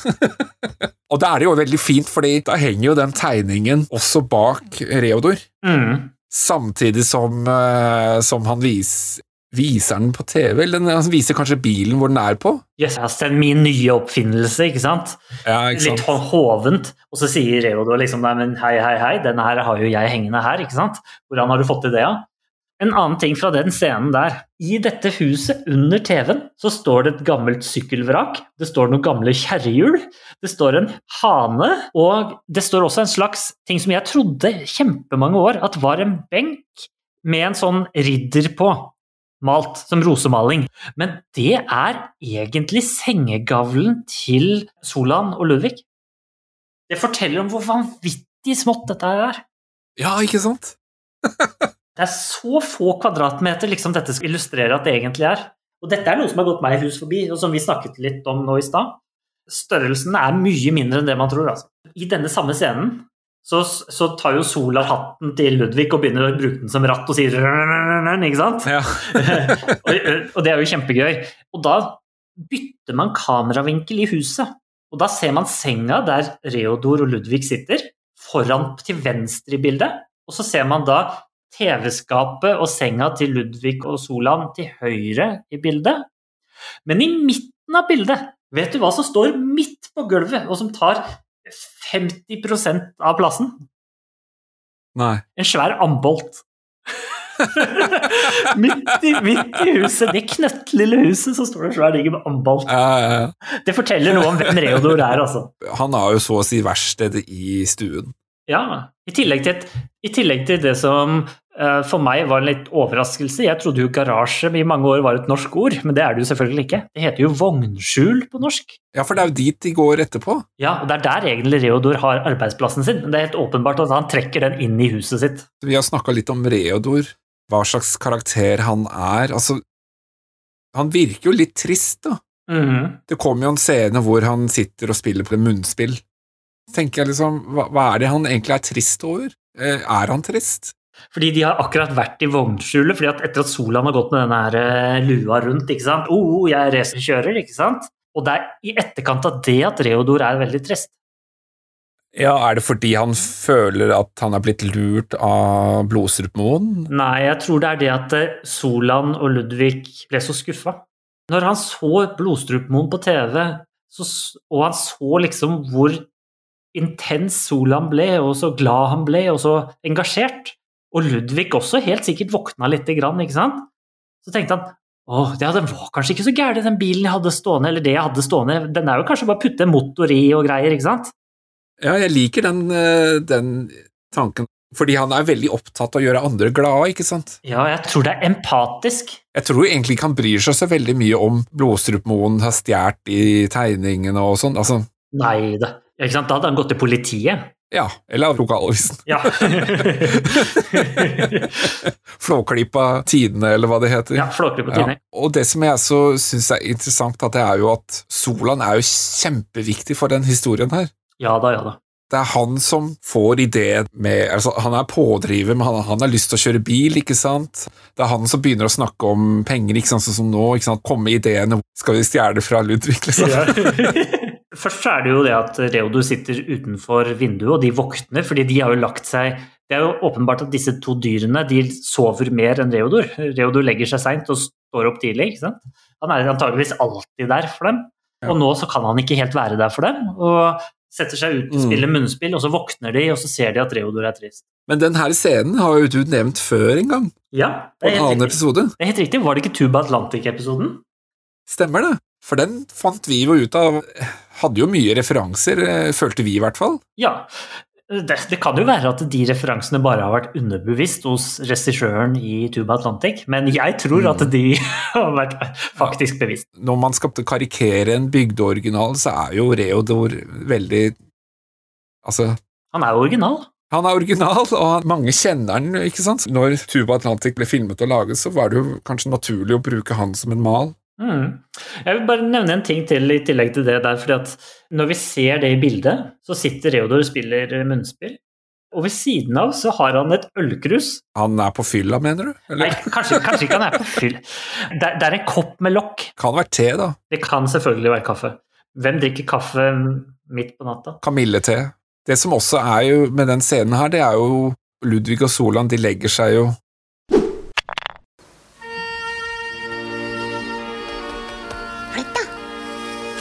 Kan ikke jeg få ligge innerst i natta? Solan? Flytt deg. Har vi ikke faste plasser her i huset, eller? Skal jeg aldri få ligge innerst, jeg, da? Står så kaldt fra gulvet, så. Og jeg syns alltid denne scenen her var litt spesiell, fordi jeg føler at Solan er så frekk. Mm, yes, enig. Og av den grunnen så har jeg liksom aldri likt Solan, jeg har i hvert fall likt han mindre, da. Fordi jeg syns han er så uf- ufyselig, han vil ikke være snill og gi plass til stakkars Ludvig og sånt, som ikke gjør en flue for treet. Men det viser jo også litt av den karakteren som Solan er, at han tenker kanskje litt på seg sjøl. Men det skal jo vise seg at han, han endrer seg jo faktisk utover i filmen. Ja da, ja da. Dessuten, det er jo ikke sånn at Solan nødvendigvis er en drittsekk. Men det er, jo mer det, at, det er mer det at det virker som at dette er gode Solan har, og han vil beholde det. Det blir jo neste dag. Da ser vi morgenrutinen til Solan. Ja. Trim, er det ikke det? Ja, han driver og vasker seg i denne bøtta, nei, dette vaskefatet. fordi at de har jo ikke innlagt vann i dette huset, selvfølgelig. Så han driver og vasker seg og kjemmer håret sitt, eh, som det heter så pent. Og tar på parfyme og forteller og viser hvem denne Solan er. Han er litt forfengelig fugl, ikke sant? Han er litt forfengelig papegøye. Ja. Hvordan er det egentlig Solan oppdager sjeiken? For han ser jo ut av vinduet med den kikkerten. Jeg tror vel egentlig det var tilfeldig. Han har en sånn trapp foran det vinduet som han bare går bort til. Så det virker som at det er noe han gjør hver morgen. Ser ut av vinduet og ser hvordan været er. Ikke sant? Altså et, noe sånt. Og så denne gangen så får han faktisk øye på noe han ikke har sett før. Noe som antagelig skremmer Solan litt. Det skremmer i hvert fall Ludvig etterpå. Altså, vi må huske det. 1975 på bygda i Norge, det var nok ganske Det var ikke så mye besøk. Så han oppdager jo at det er noen som er campa nede i byen. Mm. Det er veldig bra kikkert, må jeg si, altså. For den byen virker som er et stykke unna, men, eh, men ja. Men han oppdager jo um, Benredik, og han oppdager jo apen, og så oppdager han jo også Soline. Nei, det gjør han ikke. Ikke, gjør han ikke det der? Nei, jeg tror ikke det. Jo, det gjør han. Han gjør det. Jeg tenkte ikke over det. Men jeg tror ikke han tenkte så mye på det der og da. Han blir jo veldig interessert i hun da. Ja, men ikke der. Du ser jo at halen vifter seg når uh, Gjør den ikke men, det? men, men han kommenterer det i hvert fall ikke. Nei, nei. det han kommenterer, det er pengene. Ja, det, han ser en mulighet. Ja. Hva er dette for et menneske, liksom? Og det er en Rolls-Royce I i, ekte gull. i ekte gull. I bare gull. tenk den er tung, da! Ja, jeg tenkte akkurat på det samme når de skal kjøre opp av den der fjell. Det er jo ikke noe rart de sier farlig norsk hengebro, da. Det var Hvis det veier 15 tonn eller noe. Men igjen, altså, her ser vi jo at Solan er jo pådriveren, så han ser jo muligheten at Ben Reddik han Ja, han ser jo også noen penger, at han driver og vifter med noen penger og sånn. Ja, han bruker pengene som fluesmekker, vet du. Ja. Men en ting. I starten av filmen så blir det vel sagt, jeg lurer på om det er Leif Juster jeg, som sier det, at Flåklypa har egen campingplass. Tror du Ben Reddik har tatt inn på campingplassen? Jeg tror det. Det er jo veldig snodig. Hvorfor kommer han dit? Kommer han til Ja, han skal jo ha plass, plass til teltet sitt, da. Har han kjørt denne gullbilen fra Saudi-Arabia med Ja, jeg tror det. Jeg vet ikke, beduintelt eller noe sånt? Jeg er overbevist om at det er eh, campingplassen. Er det for å drive laksefiske, da, kanskje? Det kan jo hende at eh, sjeiken bare har kjøpt opp hele campingplassen.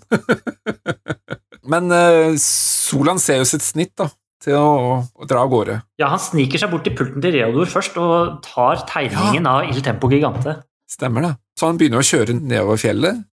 Og igjen så har vi da melodien, eller musikk, da, som passer til karakteren, ikke minst, men også til scenen. da. Altså Den har en sånn narrativ effekt, da. Eh, hvor liksom takten og hastigheten, og det her går, går det unna, og han eh, Ja, holder nesten på å kjøre utfor eh, når han skal kjøre rundt og sånn. Han steiler jo med denne sykkelen idet han starter. Ja, ja, ja. ja. En annen ting, eh, I intervjuet med Ivo Caprino og han Sandemose, så var dette en av de store tingene som var vrient. Det var å få denne sykkelen til å virke og gå fort. Oh, ja. Og dette har jo blitt en ikonisk ting i dette dataspillet du drev og snakket om. Den kjøreturen, det, er liksom, det husker jeg, det var det store, det var det jeg spilte, husker jeg. Eller så må jeg bare si en ting til. Utenfor døra når Solan drar, så står det en fiskestang. Langs den fiskestangen så henger det seks fisker. Hvor i all verden har Reodor fiska for å få de fiskene? Høyt oppå på toppen der? Ja, det er i hvert fall ikke, ikke på toppen av fjellet. Han er jo nesten aldri nede i byen. Nei, jeg tror ikke det. Kan det hende at det er Solan eller Ludvig da, som har vært ute og Ja, altså Det jeg tenker kanskje, det er at det finnes et lite vann på den ene toppen som han kjører ned fra Flåklypa-toppen over en bro og over på en annen topp. Kanskje det er et lite vann der. Men har du lagt merke til at når eh, Solan kjører nedover det fjellet Ja. Altså, Jo mer han kjører, jo mer bekymra blir han faktisk. Altså, Du ser liksom ansiktsuttrykket. Ja, for Å ja, dette går litt for fort, kanskje. Og Ja, ja, ja, ja, ja. skru litt på bilen eller på sykkelen mens han kjører. og sånn. Det- Ja, ja. Så det er faktisk veldig bra lagt inn at de liksom får ansiktsuttrykket også, ikke bare at de beveger armer og bein og sånn. Ja, jeg er helt enig. De har fått fram liksom ansiktsuttrykk for å få dem til å mene noe, tenke og føle Ja. ting. Det var jo noe det, av det vi var inne på i starten, at eh, Nettopp. det var en vanskelig ting å få til, og, og det har de klart. Og når, når han kommer ned fra fjellet, så kjører, raser han jo forbi det som er sentrum av Flåklypa. Ja, det tar vel to sekunder. Ja, ja, ikke sant? Eh, Og det er jo da pressebyrået, som det står. Og da tror jeg Solan der får en idé. At han kan snakke med avisa. Men han kjører videre, da. Og dette her skiller seg fra liksom de nyere Flåklypa-filmene. ikke sant? Altså disse animasjonsfilmene. Det er størrelsen på Flåklypa. For Flåklypa har vokst noe så voldsomt de siste 30 årene. Men det er jo mange steder som har. Men uh, Flåklypa har i hvert fall det, altså. Ludvig ser jo ned at hva som antageligvis er Solans idé, og han blir jo livredd, eh, naturlig nok. Gjør Ludvig det? Og, ha, Ja, han tar kikkerten. Å, ja, ja, ja, han følger jo med, da. Selvfølgelig. Ja, ja, ja, ja. Og da ser han jo ned. Og så kommer Solan ned, og han legger merke til denne apen og lurer på hva det er for noe rart. Selvfølgelig. Jeg husker at den scenen her var jo liksom noe av det Ikke det mest skumle, for det kom jo litt seinere, men den her var nok skummel, syns jeg, med apen, ikke sant, og Ja, ja, ja. som uh, Han tør jo nesten ikke å gå inn til sjeiken ja. på grunn av apen. Nei, det skjønner jeg jo godt. Tenk det, en blanding av gorilla og sjimpanse. Det er jo ikke noe rart, det. Ja, ikke sant? Men han sniker seg jo fram, og så går han til teltduken. Det er jo der han på en måte ser da Soline ja, Han blir jo mer interessert i hun nesten. Ja, og glemmer litt det han holder på med. Ja, og det som er litt artig, det er jo at um, Soline tror jeg ligger på en sånn diva eller et eller annet, divan er det kanskje, eller på noen puter, og så leser et blad, et tegneserie. Ja. Og i gamle dager så så man ikke helt hva det var, men nå så klarer man faktisk å se at det er et Disney Man ser at det er langbein, faktisk, i det lille tegneserieheftet. Å ja, riktig, riktig. Ja, fordi at hun magedanser jo. Og så ligger det tegneseriebladet det ligger ved siden av enn så lenge, og så leser hun det senere, senere tror jeg. Stemmer, stemmer. Ja. Og så blir jo Solan oppdaget av, eh, av Emanuel Desperados, altså gorilla, og blir kasta av gårde og får et lite sår på nebbet og greier, og kjører av gårde, for han blir jo redd, selvfølgelig. Ja, og så mister han jo tegningen. Ja, og den tegningen får jo da Ben Reddik se. Men en annen ting som jeg glemte å si i stad, når han fortsatt er oppe på Flåklypa-toppen, Hvem da? Solan? Solan, ja, og så ser med kikkert ned på den her campingplassen Man ser at det er en platespiller, ikke sant? Mm, det er riktig. Og Solan vil jo ikke høre den musikken, fordi han er jo for langt unna den platespilleren. Men vi som seer, vi hører den musikken for at vi skal assosiere det vi ser med Midtøsten. Så vi hører altså den platespilleren, og det er det man kaller for ikke-diegetisk musikk, det vil si bakgrunnsmusikk som karakterene ikke hører. Mm. Andre steder så kan musikken gå fra diegetisk over til ikke-diegetisk. Eksempel i, tidligere da, i scenen hvor uh, Reodor spiller munnspill, da hører vi også at han spiller munnspill, men så går jo da musikken over i en mer fyldig med flere instrumenter, og så blir jo det da en ikke-diegetisk musikk, fordi det er jo ikke det Reodor selv hører. Men tilbake til den tegningen. Tegningen er jo da en liten sak, og denne Bjarne Sandemose, han sa at når han fikk Il Tempo Gigante-tegningen av Kjell Aukrust, så var den kun et lite notiskort stort. Det var knøttlite, så når han skulle gå ned i kjelleren og begynne å leite etter liksom, ting til å lage denne, så hadde han egentlig bare en veldig liten figur å gå etter, da, på mange måter. Og jeg tenkte, kan det være den tegningen vi faktisk ser foran oss? At det er originaltegningen som bare er kopi på et hard plate som de bruker i filmen? Det er ikke umulig, da. altså. Nei, jeg tenkte at det kanskje var en mulighet. Dette vet jeg selvfølgelig ikke, men jeg spekulerer. Kjører han innom den TV- eller nyhetsbyrået nå? Ja, ja, på vei tilbake, ja, så bråstopper han innom der, og så der får vi jo se alle aviser. Der er jo La Stampa, Le Monde, ikke sant, Aftenposten og Dagbladet Ja. i velt. Stemmer. Ja. Ideen hans er vel at han skal få Benedikt Fifasan til å finansiere bilen, fordi de har jo ikke noe penger til å bygge den bilen. Han vil jo gjerne hjelpe Reodor. Samtidig som han vil få dette ut i nyhetene også, som en pådriver, da. Ja. Vet du hva som står øverst i Aftenposten? Jeg prøvde å lese disse overskriftene, men jeg, nå husker jeg ikke helt alt sammen. Nei, det er veldig mye som er vanskelig å lese, men Aftenposten sine går det an å lese, så vidt det er. Det er blant annet landsmøtet vraket Wilsons EF-linje, men ved siden av så står det rekordstort premierepublikum. så det kan jo være frempek til Flåklypas gigasuksess. Det kan jo hende at det var det de håpa på den gangen. Ja, jeg, jeg håper det egentlig. Er litt morsommere hvis det faktisk stemmer. Ja.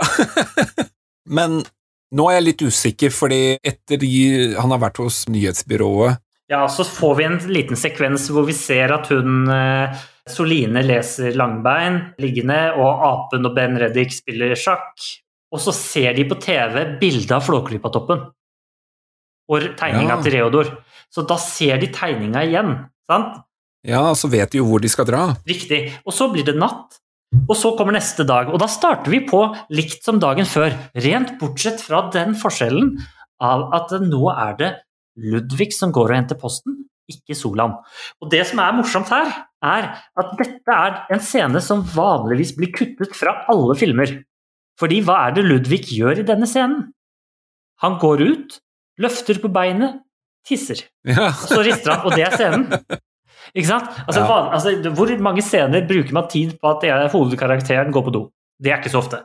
Men Ludvig henter av avisa og leser opp på toppen av prammen og blir jo helt fra seg. Faller jo ned av prammen og mister avisa og løper til Reodor. Og så er det nok en gang en flott flott replikk med sånn 'Avisa, hvor ble det av avisa?' ikke sant? Så løper han tilbake, henter avisa, og så går han til Reodor og så sier han 'Hei, Reodor, bilen din er i avisa'.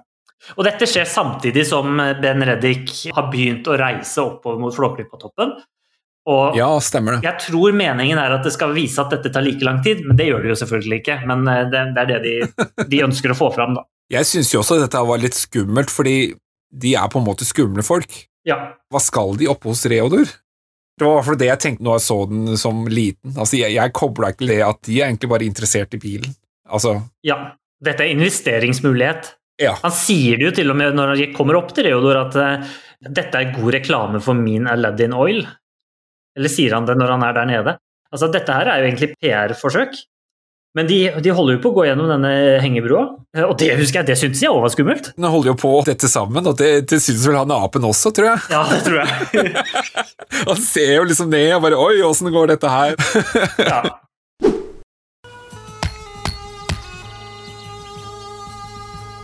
Gåstad, lukk opp du, Ludvig. Noen har visst forvilla seg oppi her. Skynd deg nå, Ludvig. Du liker å ha fremmedfolk, du, vet jeg.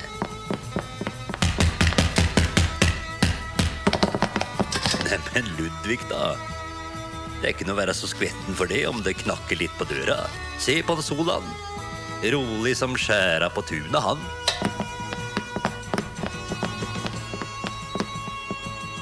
Du får hilse pent da, Ludvig. Man hører at det kommer noen, og da går Solan bort til vinduet, og så sier Reodor noe sånt Ja. som at og du, får, du får gå og ta imot du da, gjester, ikke sant? Ludvig, du er vel glad i gjester du og sånn. Ja, Og, så, og så åpner Ludvig opp døra, og så skvetter han jo som bare det når han ser eh, gorillaen og Benedikt.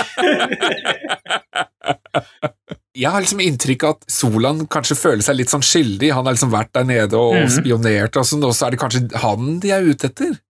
Å ja, du tenker at han føler seg at han er litt sånn redd-situasjonen. Ja, ikke sant? Apen oppdaga jo han. Ja, ja, Det var det jeg liksom tenkte når jeg var liten, at, liksom, at han kanskje var litt redd, da. Det tenker ikke jeg, egentlig. Fordi at Reodor gjør et poeng av at Solan er helt rolig. Nå husker jeg ikke, se- men er Solan ganske rolig, eller er Ja, han ja, ja. urolig? Solan er ganske rolig. Sier jo Reodor til Ludvig at du, Ludvig, se på Solan, han er rolig som skjæra på tunet. Ikke sant? Så han gjør et poeng ut av det, fordi Ludvig er stressa. Ja, ja, ja, ja, skjønner. Kanskje det er derfor man tror at eh, Solan er en skjære. Mm. Eh, Men så kommer jo disse folkene, de kommer jo inn, da. Og, og, og apen stikker hodet inn og skremmer vettet av Ludvig. Så tar jo Reodor Reodor er en, en litt sånn enstøing der oppe, men han er jo likevel en sånn people's person. Så han Ja, han er gjestfri. Gjestfri. Han inviterer de inn, og ikke sant. La oss høre på hva disse to eh, gjestene har å si. Og det tviler jeg på at var standard i Norge i 1975. At det kommer en gorilla på døra i 1975, så slipper du den ikke inn. Jeg tror ikke det var så mange som, eh, som fikk gorilla på besøk. Nei, men altså, man, det var ikke så mye utlendinger på besøk heller. Nei, Nei men det, det, du, du har et poeng der. Så Reodor er nok en ganske gjestfri type, egentlig. Og han lever jo av å jobbe med mennesker, altså reparere ting for mennesker og sånn, så han er nok ganske hyggelig. Det virker sånn i filmen som at han tror at de har forvilla seg der oppe.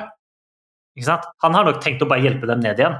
Men så viser det seg at de har jo andre hensikter. De bare buser inn når de får lov å komme inn, ikke sant? og så sier de hei, hei, hei, signer min kontrakt. Ja, I hvert fall apen. Ja. Ja, så det er jo egentlig bare en forretningsmøte som skjer der. Solan er kjempepå at eh, her må du signere, Reodor, mens dette er et livsmulighet. Og Ludvig sier at dette er livsfarlig, altså kontrakt, ikke sant? at det kan du ikke signere. Mens Reodor virker å være litt på, altså.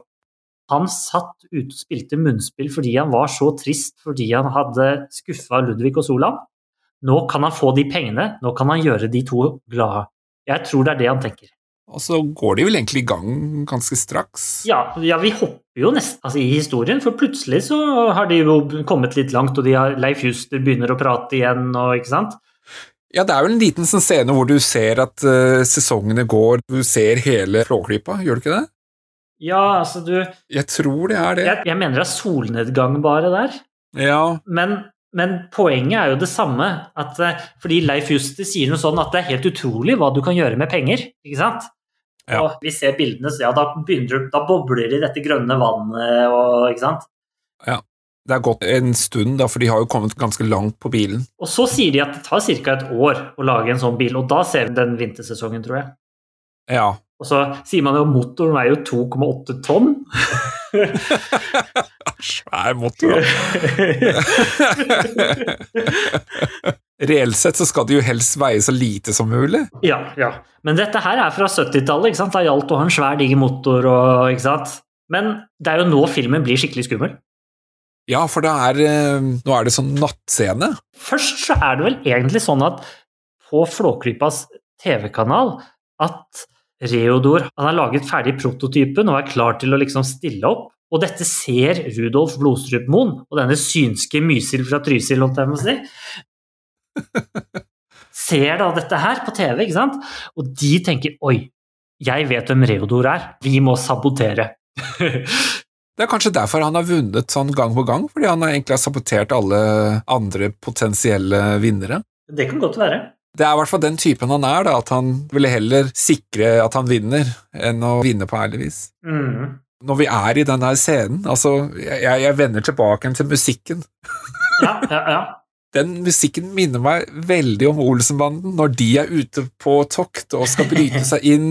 Det er et pengeskap, det er mørkt. Det, det er veldig likt, og, og jeg skulle gjerne sett dem opp mot hverandre. Det kan hende at det er lånt fra hverandre. Altså, det er jo selvfølgelig samme komponist. Du merker at det er samme instrumentet, det er Ja, samme takten, ikke sant? Dy, trrr, ikke sant? Pauker og trommer, og så er det litt sånn skjærende lyd. Ja. Ja, jeg er enig. Det, det høres helt likt ut. Og det er veldig effektivt, for den er veldig skummel, i hvert fall når man er seks-sju år.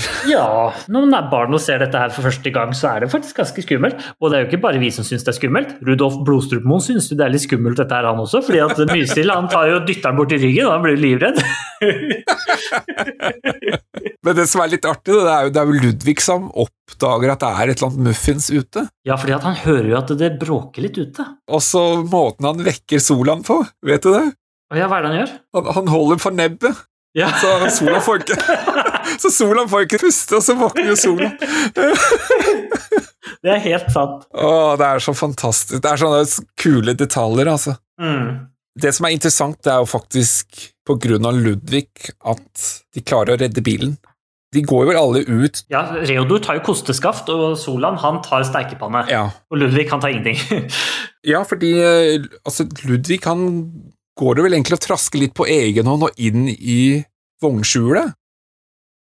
Og så havner de i den fellen og skremmer ja, men før han havner Men jeg mener jo at det må være derfor Rudolf og han andre forsvinner. De rekker jo ikke å sabotere bilen helt. Det der er akkurat det samme som jeg tenkte. Men i én scene så ser du Altså, når de driver og sager over denne her eh, supertingen til Reodor Ja. Superretometerfordeler heter den vel. Ja, riktig. Ja. Så ser du Reodor kikker inn i vognskjulet mens Solan går under vinduet. Og det de ser i det vinduet, eh, det er Rudolf Blodstrupmoen. Så de, de har sett Rudolf Blodstrupmoen. Ok. Det er derfor Reodor kan si at det er Rudolf Blodstrupmoen. Denne fella var for Rudolf Blodstrupmoen, den. Men poenget er jo at Ludvig Altså, han gjør jo noe viktig og sentralt i filmen uten egentlig å vite det selv. Mm. Hadde ikke Ludvig gjort det, så ville jo Rudolf ha sabotert bilen helt, og så hadde de kanskje ikke klart å reparere bilen til løpet. Ja. Problemet er at Reodo tror at de ikke rakk å sabotere bilen i det hele tatt, fordi det er jo Ludvig som har gått til fellen. Ja, men da er alt greit. Ja, riktig. Ja. Men de visste jo at de var der inne. Ja, ja, men jeg oppfatter det som at Reodor tror at Blodstrupmoen har forsvunnet før han har gjort noe i det hele tatt. Ja, ja. Det de har jo åpenbart ikke sjekket alt. Ikke sant? Men dette her er en sånn typisk Ludvig-ting. I de senere filmene også så er det Ludvig som gjør ting uten å tenke over det. Ja. Men det er jo litt gøy at også Ludvig har en sentral rolle i filmen. At det Mm. ikke på, på en måte bare er Solan som er pådriveren, det er Reodor som bygger bilen i prinsippet, da. Eller det er han som har designa og tegna den. Men Ludvig har også en sentral rolle, og det får han jo faktisk seinere også. Altså, nå blir det jo natt igjen. Nå var jo prototypen ferdig, så nå skulle jo den avdukes. Om det var neste dag eller neste uke, eller noe sånt, det vet vi jo ikke. Men den avdekkes oppe på Flåklypa-toppen. Masse folk er invitert, og kameramannen er der, og Ja, og hele byen. Hele bandet er der, og det er Desperados er der, og det er, det er, det er ikke måte på. TV er der jo i svart-hvitt og fine farger. Er blitt, det, er jo, det er jo en klassiker. Ellers så må jeg jo si det at musikken her er jo strålende. Men før det så er det jo tale av han der eh, nærsynte duden. Er det liksom borgermesteren, eller? Nei, det er den lokale dikteren. Å ja, dikteren, ja. Ja, ja, ja. Er det basert på en ekte dikter, tror du? Eh, det vet jeg ikke. Eh, men det sies jo i hvert fall at han kom og gjør dette her og hadde skrevet hele natta for å bli ferdig med dette, til tross for sterk migrene. Det er en fin scene, altså mye, mye artig som skjer her. For eksempel så er det hun enkefru Engelføen Gnad. Hun kan jo ikke si L. Nei, men det er glad. Ja, det er glad med L. Ja. Gnad. Som spiller på harpen, som er bygd opp av noen sykkelhjul og sånn. Og så har du han reporteren som skal intervjue Reodor, som ikke liksom vil la han kikke inn i cockpiten, ikke sant? og det hindrer dem i å se feilen. Ja, stemmer det! Ja, det har du rett i. Tilbake til Engelfønn Gnad. Hun har jo sånn minkpels rundt halsen. Ja. Den er jo fortsatt levende, Ja, så den driver jo og ser rundt mens hun driver og spiller og synger og sånn. oh, Og ja. det er jo selvfølgelig Wenche Foss som er stemmen, og karakteren er jo Wenche Foss. ja, du ser jo nesten det på hårfrisyren og, Ja, ja. og sånn. Så det er jo kjempemorsomt at hun spiller på en måte seg selv, det bare heter noe annet. Pianisten er jo også artig, da, som sitter der og spiller og drikker øl mens han spiller og sånn. Det orkesteret er jo helt nydelig, og han fyren som skal kurere alle problemene, sitter der med trobonen, spiller med trombone, og Ja. så har du han med hardingfela, som jeg syns er helt strålende laget. Den hardingfela, tenk mye jobb det er å lage den knøttlille fela der, og de flotte innlay- eller maletingene som er laget. Nei, den er fin. Og så avsluttes det med at Reodor liksom holder rundt Solan og Ludvig i den scenen. Og det på en måte binder sammen det poenget mitt med at Reodor gjør dette her for Solan og Ludvig. Dette er ikke egotrippen eh, Reodor som skal ta hevn på Blodstrupmoen. Det her gjør han for, for samværet på Flåklypa-toppen. Da beveger vi oss jo over til billøpet. Ja, og dette er jo en strålende sak. Jeg trodde jo først det var Trond-Viggo Nei, jo, er det Trond-Viggo Nei, hva heter han? Kirkevåg? Trond Ja, Trond-Viggo Kirke... Nei, Kirkevåg. Ja, jeg trodde det var han som var spikeren, men det er jo faktisk uh, Henke Kolstad. Ja. Ja, det hører man jo også når man Ja. tenker seg om, da. Men uh, han gjør jo en fantastisk jobb for det, altså. Strålende spiker. Eller så vil jeg gjøre et poeng ut av disse racerførerne. Ja, Fordi de har jo nydelige navn. nettopp. Og det er jo da eh, Rufino Gasolini fra Italia, eller Djevelen fra Torino, som han ble kalt. og, så, og så har du da Heinrich von Schnellfaren, og vi som kan tysk vet jo at det betyr fortkjører, som er da fartsfenomenet med monokkel og glassøye. Og så har du Ronny Medel Svensson fra Sverige, og det er jo klassisk svensk navn. Pluss at i 1975 så var det en Formel 1-kjører fra Sverige som het Ronny Petterson. Han kjørte fra 1970 til 1978. Så Ronny fornavnet det er fra Ronny Petterson. Men så har du da argentineren som heter Carlos Fandangio. Og han heter da mannen fra Pampas som året før gikk rett i fjellveggen uten å ta skade av det. Og det spiller på argentineren Fangio, som da er den kanskje beste Formel 1-kjøreren gjennom alle tider, som vant over 40% av alle løpene han stilte opp i. Og så har du da Jimmy McQuick og Blodstrupmoen og Felgen. Det var vel alle, det? Ja, det var alle. Dette her er jo en teknisk utfordring, dette løpet. Fordi her gjelder det å få liksom fartsfølelse, og det klarer de veldig bra i denne filmen ved å la kameraet følge som en bil. Så det er veldig bra. Ja, Det var også en ting som jeg tenkte på, det å få fartsfølelsen både på selve billøpet, men også når eh, Solan kjører ned av fjellveien, eller Mm. Flåklypa-toppen. Altså, den fartsfølelsen, det, det har de klart å få frem veldig bra, altså. Ja, og det er jo en av de tingene Flåklypa Grand Prix er kjent for. Det er liksom det derre sug i magen du får over den dumpa før starten. Ja. Rundt på den Ja, banen. ja, ikke sant? Ikke sant? Så det, det er noe av det det er veldig kjent for. Ben Reddik han har jo da hedersplassen av en eller annen merkelig grunn.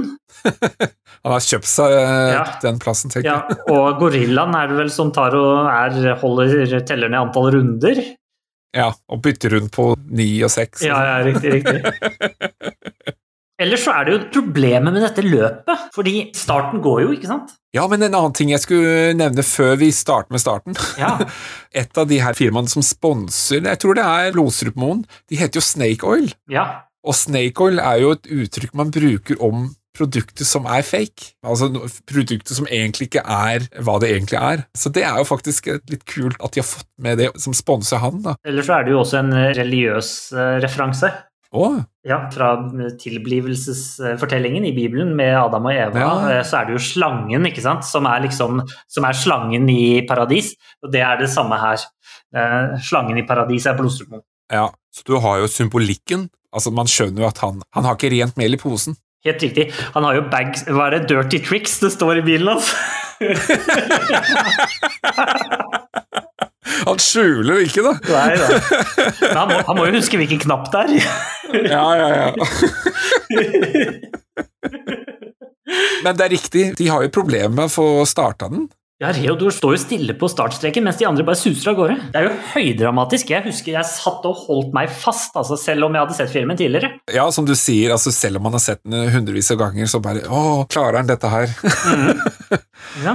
Ben Reddik han er jo fortvila med en gang. Ja, Tenk alle pengene han har brukt. ikke sant? Satsa på en sykkelreparatør fra Flåklypa. Ja, det er sant. Det er en annen ting også som jeg glemte å si i stad. Altså på introduksjonen, mens han introduserer alle bilene, og så uh, klipper vi liksom inn til en sånn familie Mhm. som sitter i stuen og så ser dette her på TV-en, ikke sant? Og da ser man faktisk filma TV-skjermen hvor man ser da Il Tempo Gigante blir rulla ut. Ja. Og da får man liksom den der innrammingen ut mot verden. Man skjønner jo at dette er liksom en norsk familie, kanskje i Flåklypa, som ser dette her, og dette er stort. Dette er ikke hvilken som helst løp, altså dette er et stort løp. Jeg syns den er en veldig kul effekt man får, det der med å Man tar del i den familien og den opplevelsen som de føler, da, ved å se igjennom den rammen. Ja, og det er jo ikke bare én person der, altså det er hele storfamilien som sitter og ser Ja. på. Det er barn, og det er mor og far, og det er sikkert bestefar, og det er onkel og han ene fyren i den grønne strikkegenseren. Han har jo til og med tatt på seg medaljen sin, som han har vunnet Ja. en gang i tiden i sikkert militæret. Ja, ja, ja. Alle skal med og heie. Det er nasjonaldag, dette her, altså. Jeg satt og tenkte på hvor er det egentlig dette løpet foregår? Ja, det er vel Flåklypa. Ja, det er det det? Ja. Jeg tenker jo også at det er det fordi omgivelsen av naturen er det samme, da. Jeg synes de sier det på et tidspunkt, jeg bare husker ikke helt uh, hvor det var, men jeg mener de sier at, at det skulle være i Flåklypa, eller i, ved Flåklypa eller noe. Ok, Sånn at tilskuerne som er rundt, det er liksom folk som potensielt tilhører Flåklypa. Hvis det er Flåklypa, så har de jo innmari mye i Flåklypa til å være en så liten by, da. Jo, jo, jo, men altså, altså, det behøver ikke å være en vanlig racerbane. Det kan være en lokal vei. Men jeg ser jo den kjempetribunen der. altså, en, altså en fun fact altså, De kjører jo mellom fjell og daler her, og det er helt åpenbart Norge, dette her. Ja, ja, ja. Og det er hytter, øh, og, og man ser jo det langs veien og sånn. Hvis du drev bilsport i Norge på sånn 80-tallet, 90-tallet eller noe sånn 70-tallet, og skulle drive sånn banekjøring, ikke rallycross, men vanlig bane med biler, eh, så var den nærmeste bilbanen den var i Sverige. Eller så var den neste i Mo i Rana. Så dette er fra en periode hvor det å drive sånn her greier kan ha vært riksveien, som de har stengt av. Men de har jo svinger med dosering og sånn. Altså, Nei, det er jo ikke vanlig bilvei. Nei, jeg er enig i det. Jeg veit ikke hvor den er, men jeg har alltid trodd den var i Flåklypa, men det er mulig den ikke er det. De har jo veldig mye i Flåklypa til å være sånn litt et tettsted. Men vet du hva? Det er ikke Flåklypa. Det kan det umulig være. Fordi når de passerer depotene, der det står Aladdin Oil, Snake Oil, Arab Oil og litt sånn, så kan man se at bak der så er det en storby. Oh. Det har ikke jeg tenkt på før nå.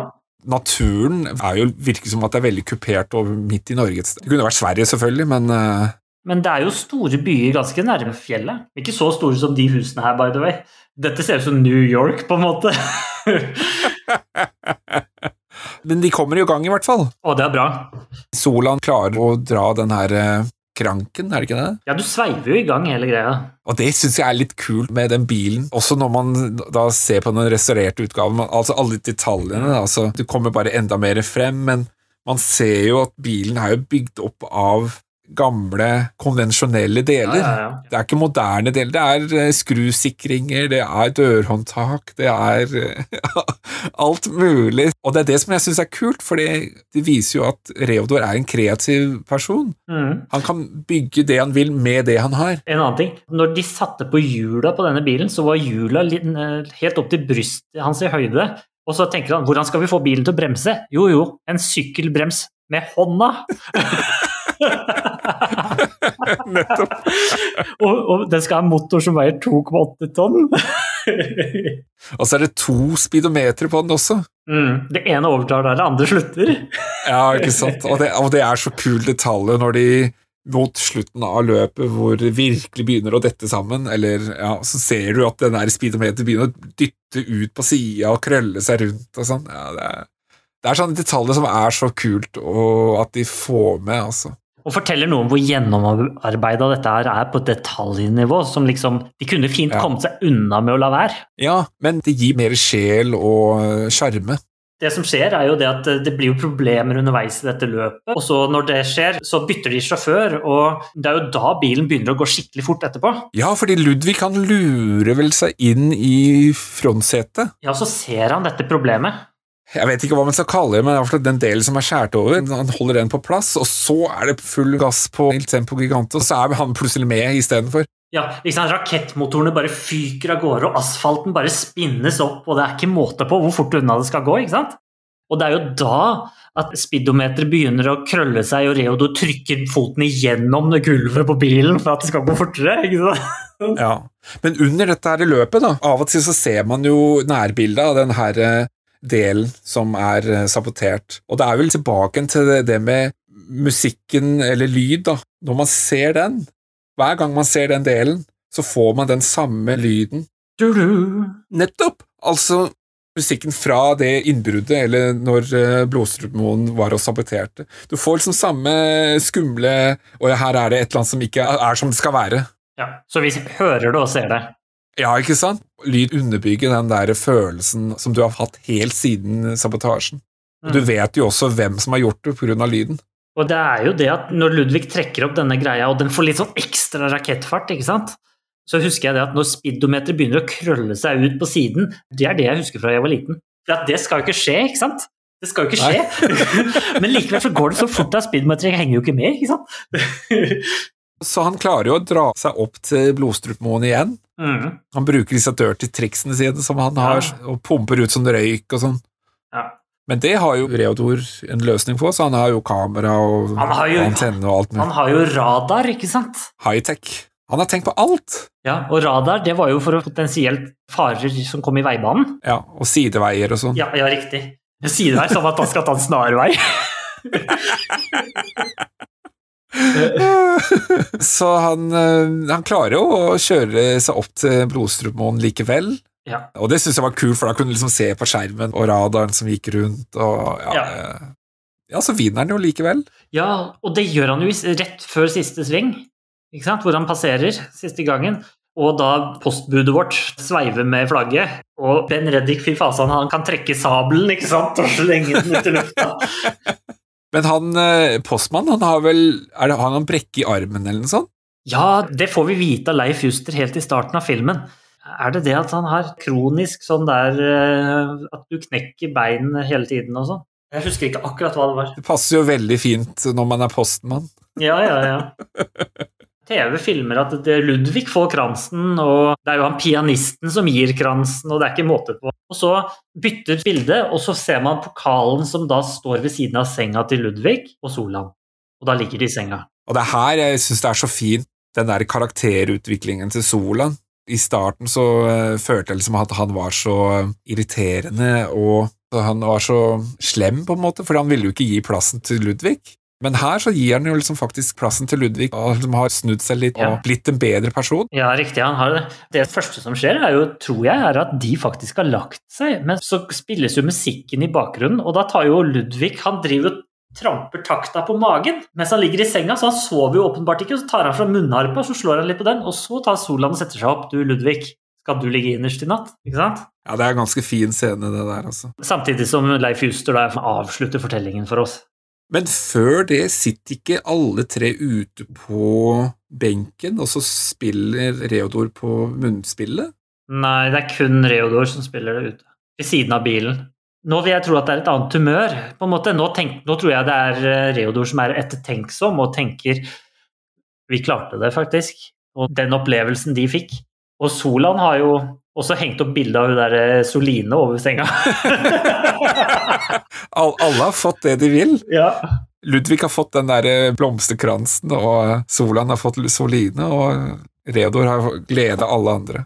ja. Men, men jeg tror til og med det munnspillet det er en, en mer lystig utgave av den vanlige melankolske balladen da, til Reodor som man hører midt under filmen. Og det er jo det temaet går jo gjerne igjen i forskjellige instrumenter og, og hastigheter utover filmen. så er jo denne filmen den er jo over. Den fader jo Ja. ut med bildet, fader ut med musikken som på en måte avsluttes litt som et klassisk musikkstykke.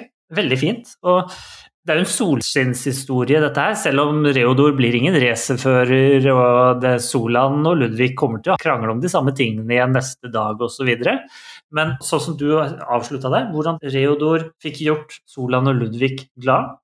Ludvig fikk lov å sove innerst, og Solan fikk lov å få dama. sant? I hvert fall fikk han et bilde. Men altså, de har alle sammen vunnet litt.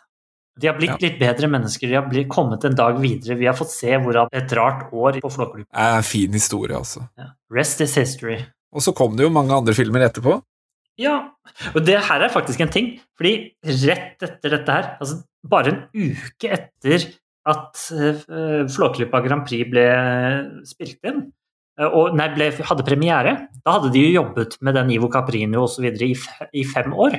Så spør Paul Bang-Hansen kommer det en oppfølger, og da sier Ivo Caprino ja, vi har jo dokkene og vi har jo alle tingene klart og sånn, og det hadde vært gøy å fortsette i Kjell Aukrust-univers, men der ligger ingen faste planer.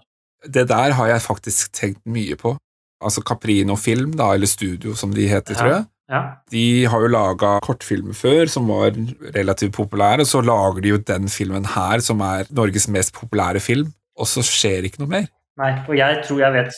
Hvor er liksom de filmene som man kunne ha laga? Du har kanskje noe mer eh, på det? Jeg har ikke et svar på det, men jeg vil tippe at dette her er noe som har med rettigheter å gjøre. Og jeg vil tippe at kanskje Kjell Aukrust kanskje sa at eh, han ikke ville lage en til. Det er jo for så vidt greit nok eh, at de kanskje ikke kunne lage noe mer i det universet, men de kunne ha laga så mye annet! Altså Caprino. Å ja, det er sant. Det er så masse å, ta tak i i Norge, altså vikinger, kongehistorier, altså alt mulig. Det er jo åpent landskap. Ja. Hvor ble alle de filmene av, liksom? ja, altså Ivo Caprino er nok på dette tidspunktet Kanskje han er litt ferdig med det?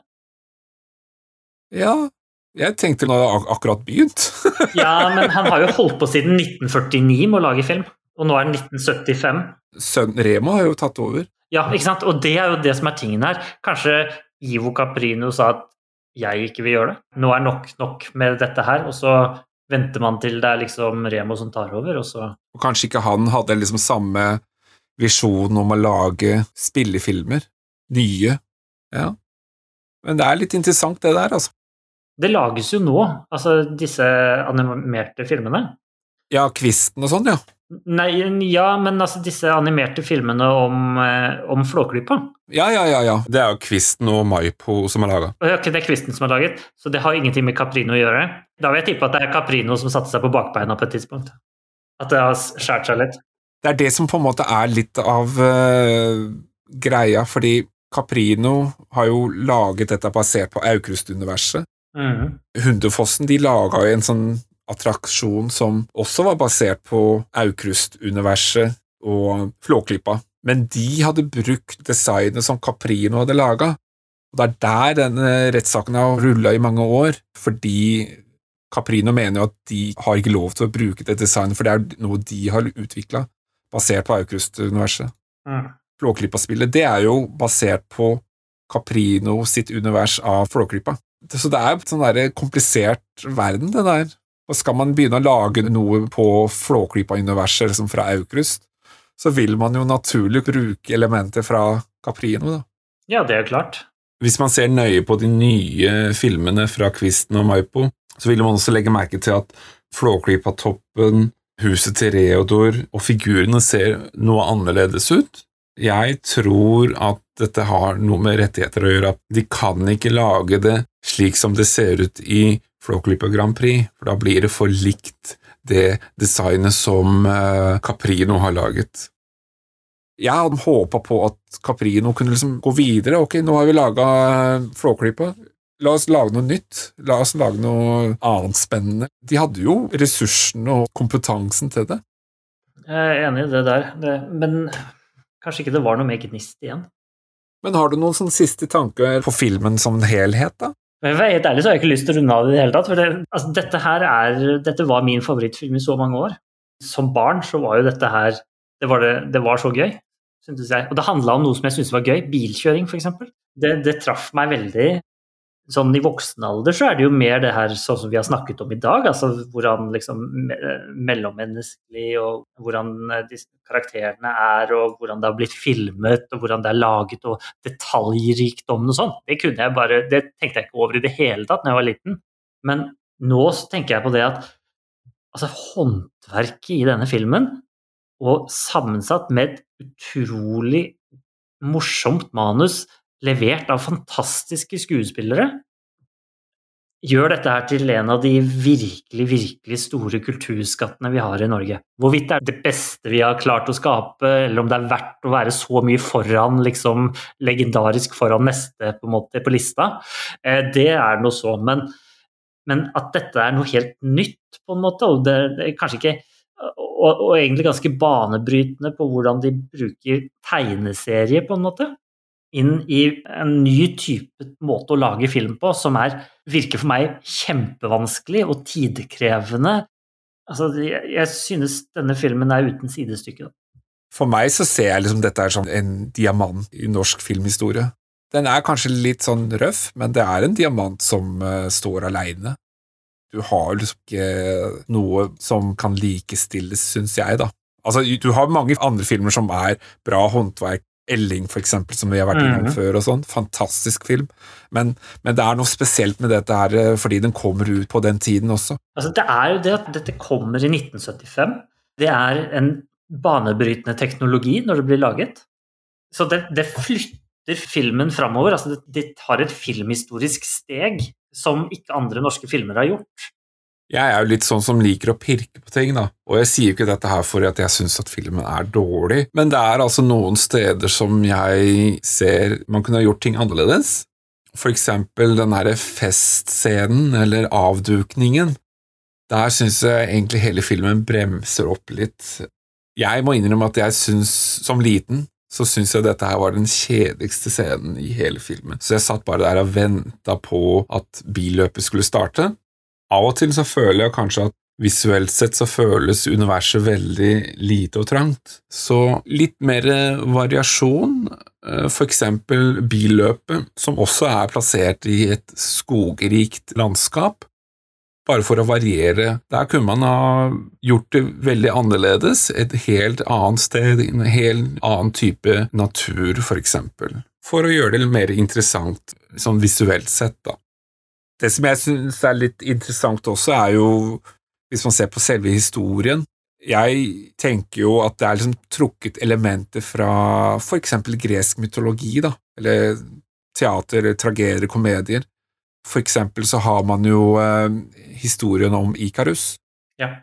Det er jo da en far og en sønn. De skal egentlig flykte, men så lager da faren noen voksvinger som han gir da til Ikarus, da sønnen, og så sier han ja, du må ikke fly for eh, nær solen og ikke fly for nær bakken, altså du fly akkurat midt imellom for at ikke vingene skal smelte eller bli for tunge. da. Men det gjør jo ikke Ikarus, han vil jo på en måte opp, han vil fri, han vil fly høyt, prøve verden, vinne verden, hvis man overfører litt da til eh, Flåklypa.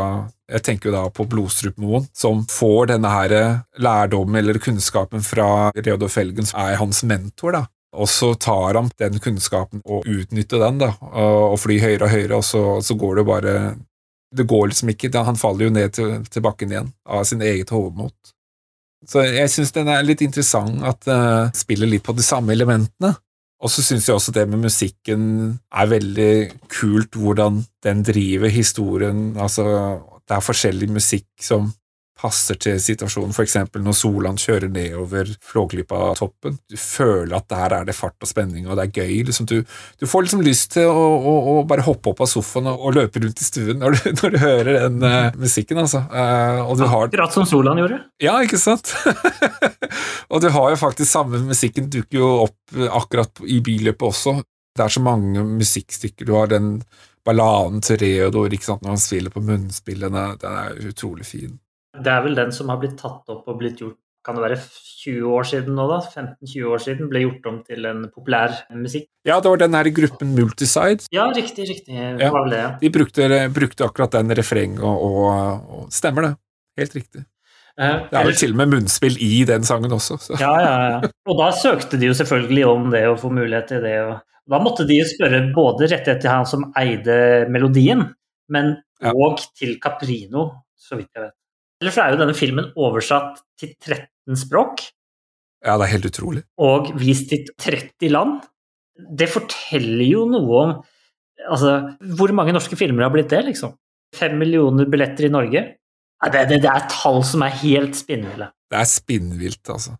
Rett og slett spinnvilt. Og jeg vet at du har sagt dette her tidligere når vi har referert til eh, billettsalg og høye saker, at dette her er en rekord som antageligvis aldri blir slått. Og jeg tror vi kan si det fast, at den rekorden blir aldri tatt. Og det er veldig rart. altså Vi, vi satt jo her og skrøyt Elling opp i skyene, men vi gjorde jo det av en helt annen grunn. Ikke sant? Fordi at det var liksom hvordan den behandlet mennesker osv. Her så er det et stykke håndverk som vi ikke har sett i norsk film tidligere. Og ikke etterpå heller, for den saks skyld. Og så har du mange kule replikker, da, som Det har vi ikke snakka så veldig mye om. For eksempel Dra meg baklengs i fuglekassa. Altså, hvem som helst i Norge vet jo hva det er, mm. eller hvor det er fra. Ja. Jeg vet ikke hvordan det er med dagens ungdom, men uh, det er jo ikke Du kan jo spørre hvem som helst, nesten, uh, og ja Alle vet jo hva det er. Alle har sett filmen. Bare sånn for å nevne det. Folk blir kalt for Ludvig. ikke sant? Altså Hvis du heter Ludvig, så har folk en forutinntatt mening om deg. Fordi at de de refererer deg til Ludvig. Altså, Det er farlig, det. ikke sant? Altså Ludvig Eller det blåser nordavind fra alle kanter. ikke sant? Altså, det, dette, her, dette her er ting som vi eh, har hørt mange, mange ganger. Eller her er det noe muffins, altså fra Reodor. Ja, er det ikke Ludvig som sier det også? Nei, hva er muffins for noe? sier han. Du har jo også eksempel hvis du har en sånn fingernem person, ikke sant. Å ja, det er en liten Reodor i deg, liksom. Ja, ikke sant? Ja. Tenk på den der liksom kulturelle påvirkningen denne her filmen har hatt altså, hos folk. Har du noe mer, eller? Ja, vi kan jo, eh, vi kan jo eh, avslutte, holdt jeg på å si, med en liten eh, kantante. ja. Da bør vi jo ha litt passende musikk, syns du ikke det? Jeg hilser fy fasan fra ørkenlandet, og det har noen og hver fått sanne, at denne sjeiken var stinn på gryn, for oppfinneren var kjenslen fikk, og skrev så ut en stor sjekk. Slik at på startstreken nå til helgen stiller sykkelreparatør Reodor Felgen opp med noe som triller fort, og som bærer navnet med denne kantante, racerbilen Il Tempo Gigante. Det er da Halstein Bronskimlet sin kantante.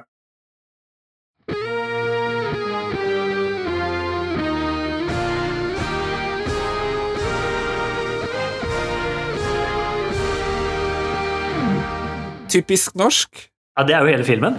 Det er vanskelig å sette fingeren på én ting, men jeg tenker kanskje at det er et par ting. Det første er der Reodor og de lever oppe på Flåklypatoppen. Dette her er et veldig sånn bygdenorsk prakteksempel på hvordan det var i 1975. Folk hadde det litt trange kår mange steder osv. Norge var ikke superrikt enda, så det var litt varierende velstandsnivå. Eller så tenkte jeg at den familien som filmes, som samlet seg for å liksom Når det skjer noe stort med noen norske gullmedaljemuligheter Ja. Familien setter seg ned og ser på langrenn på TV, liksom. Denne gangen så var det da Reodor Felgen de skulle følge, men det er en litt sånn norsk ting, føler jeg. Det har du jo faktisk rett i. Jeg husker jo det sjøl, ja, når det var OL eller noe skisprint eller et eller annet, av Vegard Ulvang eller eh, Bjørn Dæhlie, ikke sant. Altså, alle samla seg foran for å se den, uansett om man var interessert i skisport eller ikke. Ja, helt riktig. Dette her er stort, dette her er historie. Det der å samle seg foran TV-en.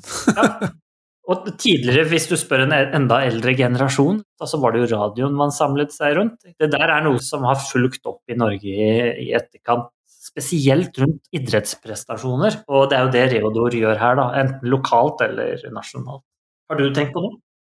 Ja, jeg tenkte på um, campingplass og campingtur. Det følte jeg liksom var litt norsk, da. Det er ingen nordmenn som drar på campingtur i den filmen?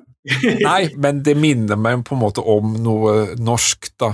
Altså at folk i Norge drar på campingtur på en campingplass, da. En annen ting, når man ser inne i huset til Reodor Altså, du føler at dette er veldig sånn bondeaktig. Mm. Senger og skap og møbler som er malt med sånn rosemaling, mm -hmm. blomstermotiver og sånn. Typisk norsk. Ja, ja. TV-skapet 1779, eller hva det står for noe rart der. Ja, ja, ikke sant. Altså, TV-en står liksom inni et skap, ikke sant. Den står ikke fremme, liksom. Ja. Dette husker sikkert du fra skolen og sånn, når du var liten, at det var, fantes et TV-skap, hadde det ikke det? TV-en var alltid et skap som ble, ble trilla rundt, husker jeg, på barneskolen. Jo da, vi hadde det på skolen, eh, at det var et skap som ble trilla ut, ja. Ja. Det stemmer, det. Og i gamle dager så var det jo vanligere at man liksom skjulte fjernsynsapparatet og, og sånn, når, fordi at det var ikke noe særlig til møbel. Det var jo et eget møbel, det der med TV og radio. Ja. Nå skal jo TV-en synes I grunnen. best mulig. Det er jo stuens midtpunkt. Det. Mens den gangen skulle du skjule den. Ja, ikke sant? Det er rart, det der. Og nå lurer jeg veldig, Lars. Du snakket om en film fra 1991. Ja, det stemmer. Hva i all verden var det for en film? Det skal jeg fortelle. Det er en, da, en film som er regissert av Sigve Endresen, og heter Byttinger. I alle dager. Ja, jeg hadde aldri hørt om den, men som sagt så var dette her en, en av våre lyttere som har anbefalt den her, så jeg tenkte ja, hvorfor ikke prøve noe nytt som ikke jeg har eh, sett før? Har du sett den? Nei, men jeg vet hvem som spiller i den. Ja, fortell. Jeg er ganske sikker på at det er Bjarte Hjemland. Stemmer? Mm. Som var relativt ung da, tror jeg. Det Ja. 1991, Han var fryktelig ung, tenker jeg. Du har også Stig-Henrik Hoff er Ja. også med, da. Ja, riktig. Jeg hadde hørt om denne filmen tidligere en gang, men jeg hadde aldri sett den eller aldri tenkt at jeg skulle se den, så nå får jeg muligheten. Bjarte Hjemland synes jeg er en knall fyr. Han er kjempegøy i teater i hvert fall. Så får vi se hvordan han var når han var litt yngre på TV. Altså, det handler jo veldig kort fortalt, da. Eh, Nå har ikke jeg sett den, så, men av det jeg kan eh, lese meg fram til, så handler det om noen ungdommer da, som drar ut i naturen med en viss sånn broket bakgrunn, og så skal de bli et bedre menneske. Det blir jo spennende å se, da. Og den kommer jo da ut eh, søndag 30. oktober. Hva mener du? Er Solan en kakedue, eller en trost, eller kanskje noe helt annet? Gå inn på Facebook og si akkurat det du mener. Eller så kan du også komme med kommentarer eller forslag til podkasten vår. Tips om andre filmer som du har lyst til at vi skal snakke om. Vi tar gjerne mot eh, tips. Instagram-kontoen vår, eksempel. Der ser du litt bakenom eh, blant annet fredagsfilmer på Instagram, så det er bare å følge med. Fredagsfilmer det er tips for dere på hva dere skal se på fredag.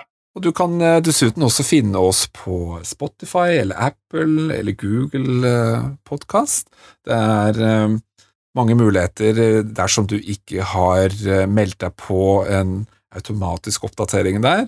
Ellers har du også vår hjemmeside på norskfilmer.no. Der får du alle episodene også som du kan lytte på. Jeg anbefaler jo at dere abonnerer selvfølgelig på episodene, men hvis du kommer og hører episoder for første gang, hør på en til og finn en film du tror du kanskje kan like, eller som du føler er interessant, eller fra et tidspunkt i livet ditt som du synes er interessant, eller tema som er interessant. Vi prøver å liste det opp. Det pleier å stå i titlene.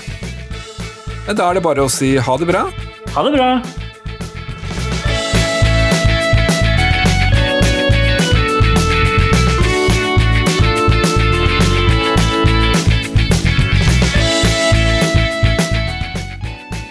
Hjertelig, hjertelig velkommen til Hert Hjertelig, hjertelig velkommen til Da Capo. Ja.